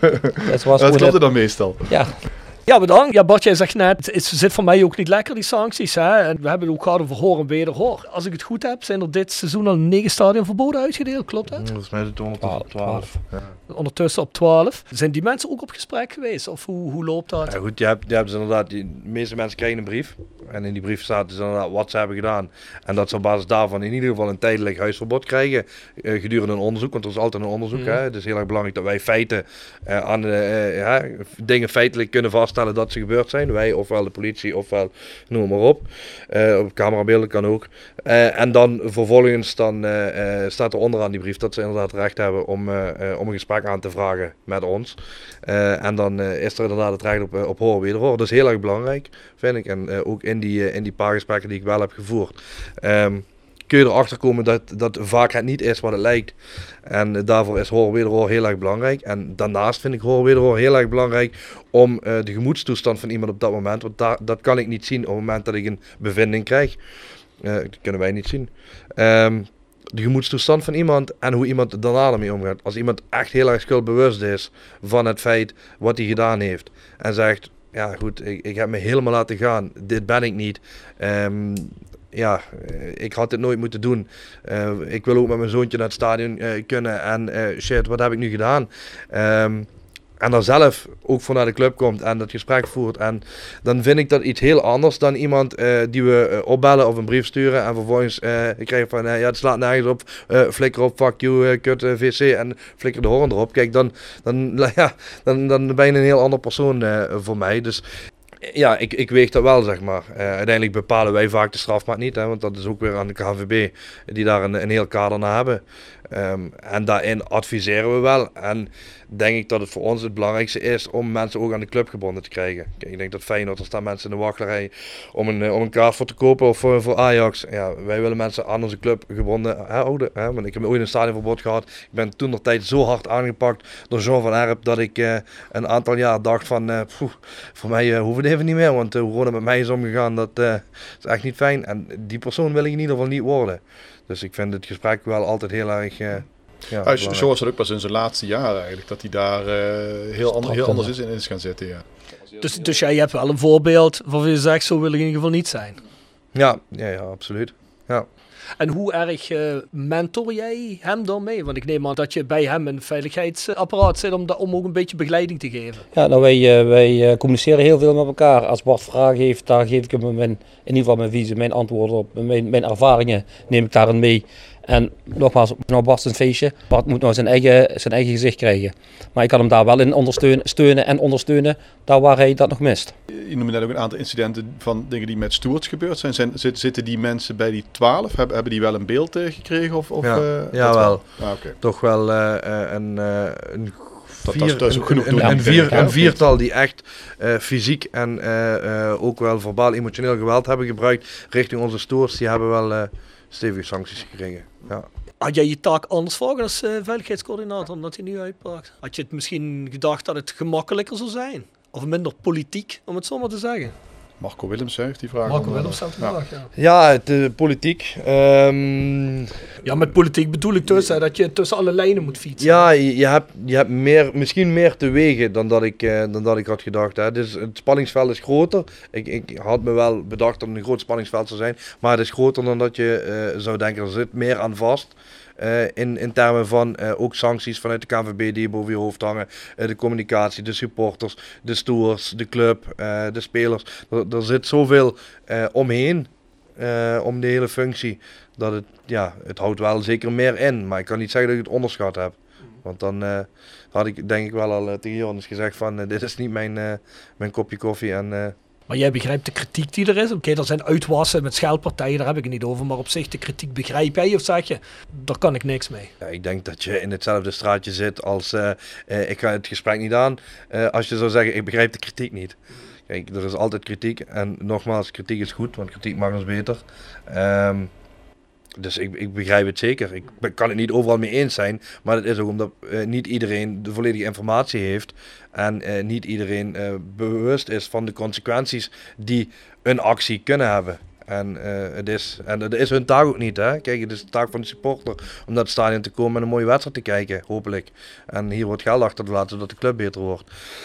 het is de taak van mij om, om dat hele spanningsveld te gaan managen, kunnen managen en uh, te zorgen dat we blijven voetballen met z'n allen. Ik heb twee vragen aan Errol eigenlijk. Ik ook. Ja. Die, uh, oh, ik ook, ja, dat zijn dezelfde er wordt één gevraagd door Rolf Douwen, die zegt, ja. uh, vraag aan Errol, welk moment als stoer is je altijd bijgebleven? Op het moment van escalatie en zou je dat moment anders aangepakt willen hebben achteraf? Ja, daar heb ik, ik heb die vraag gezien op Facebook. ja, er is één moment en dat is toen ik eigenlijk pas richting met de uitwedstrijden meeging. Um, Fortuna Roda in dat tijd. Op een gegeven moment werd er een shirtje in brand gestoken. En toen ging ik met mijn toenmalige collega. Uh, hadden we of wanneer hebben we nu? Is dat die, die Jupiler League wedstrijd of nog, of nog veel langer geleden? Nee, het is de eh, Jupiler League Jupiler League Het is de eerste keer ja, ja, die. En uh, daar hadden een shirtje in brand gestoken. Dus we denken, van, kom, dit gaat niet worden, ook tussen al die mensen in. We gaan het proberen eruit te halen. Dus op het moment dat we naar boven wilden gaan, hadden we iets van, oh, er staat een hele grote muur.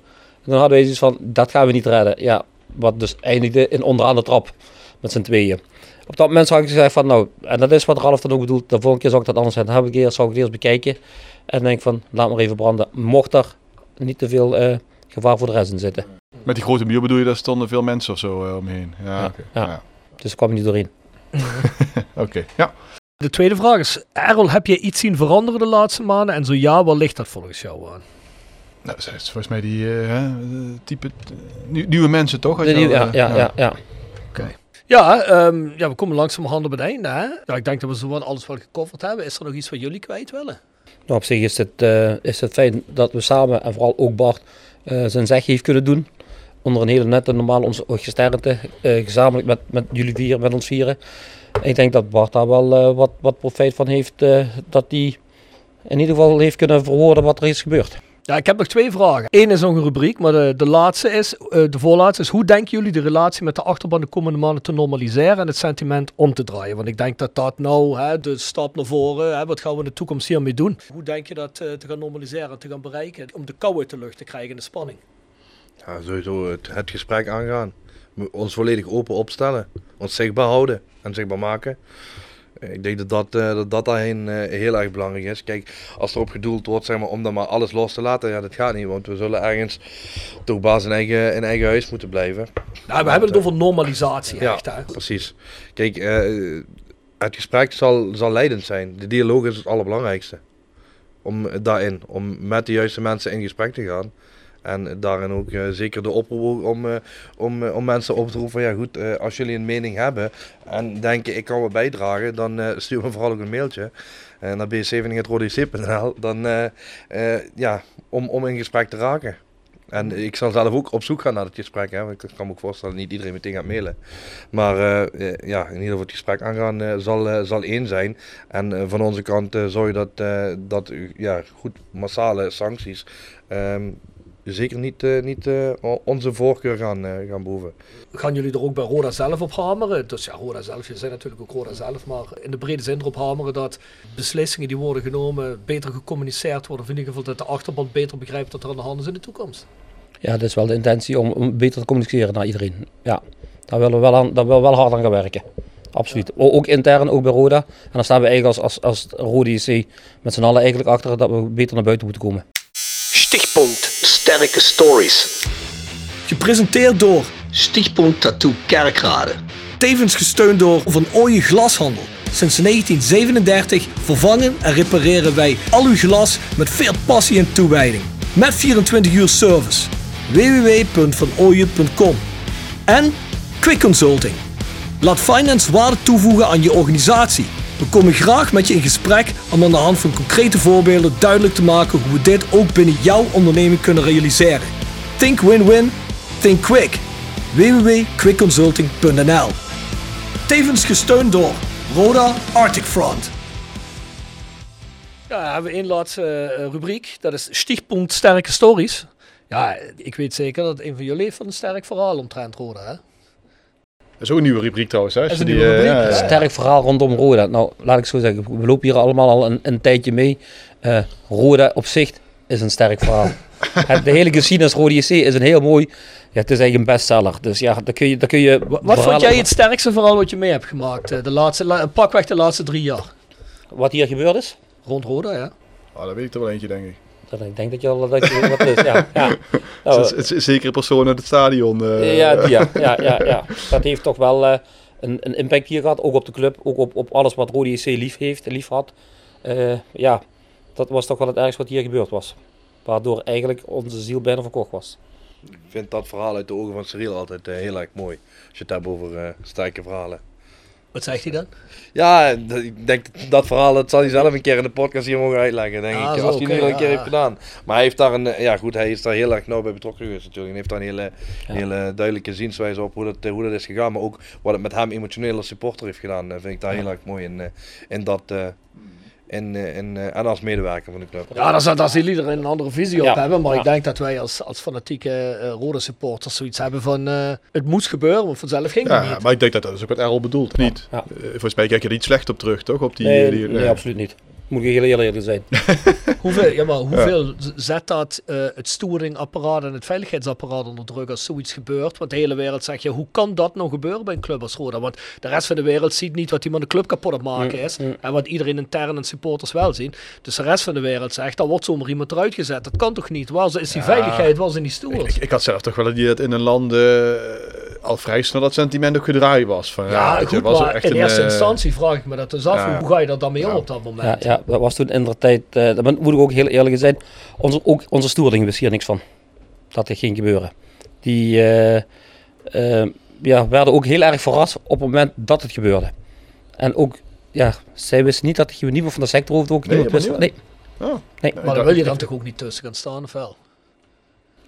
Nee. Ik bedoel, ik kan me ook voorstellen. nee, nee. Ik snap het wel dat iedereen dan zegt, ja, waar blijft de beveiliging, waar is de storing? Maar we hebben die, die, die reactie van die stoer met Noir Bleu Spaniol, die is toch echt, die is de wereld over gegaan. Die, ja, echt die is echt de wereld over gegaan, ja. Ja, alleen, eh, die- dat- dat is de enige die zei van, eh, hier heb ik dus nou geen zin meer in, toch? Nou, daar is, daar is intern eh, het een en ander gebeurd daarover, ja, waar ik hier niet over kan uitweiden. Maar het heeft wel met andere dingen te maken gehad. Ah. Wel ook met die avond, maar dat heeft ook met de verbale communicatie naar elkaar toegemaakt. En dat, dat zijn ook persoonlijke dingen geweest naar de toenmalige leiding. Ja, dat heeft eigenlijk, eh, is dat zo uit de hand gelopen dat, dat hij toen ook de stap heeft gedaan naar alleen. Ja, precies. Maar goed, er was ook helemaal geen leiding toen, toch? Dat was, eh, ja. Die was Tenminste, ik, tenminste, ik, zou, ik, ik, ik zou niet weten wie het toen voor het zeggen had, behalve, behalve hij. Ja, dat toen nog, eh, nee, dat heeft ook geen algemeen directeur, toch?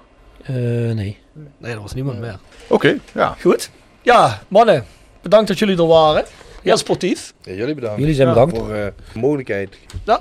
Gaan wij nog de vrienden doen van de podcast? Yes. Jegers Advocaten, Next door Heel, Neel en Beauty Salon. Hotelrestaurant de Veilerhof, Herberg de Banaleshoeve. Noordwand, Stokgrondverzet. Rappi Autodemontage, Van Ooyen Glashandel. Quick Consulting, Wiertz Company. Fandom Merchandising, Nederlands Mijmuseum. Rode Support, PC Data. Metaalgieterij van Gilst, Willeweber Keukens. Stichtpunt Tattoo Kerkrade The Voice of Calhei Support Noord. en Roda Front Roda fans uit. Scandinavië. Jazeker. Ons e-mailadres is thevoiceofcalais.south16.com. De website is south16.com. En petjeaf.com. Schuilstreep naar voor de Voice of Calais. Dan vind je de Voice Match Day. Ik zou zeggen, ga je abonneren. En tot volgende week. Tot de volgende keer.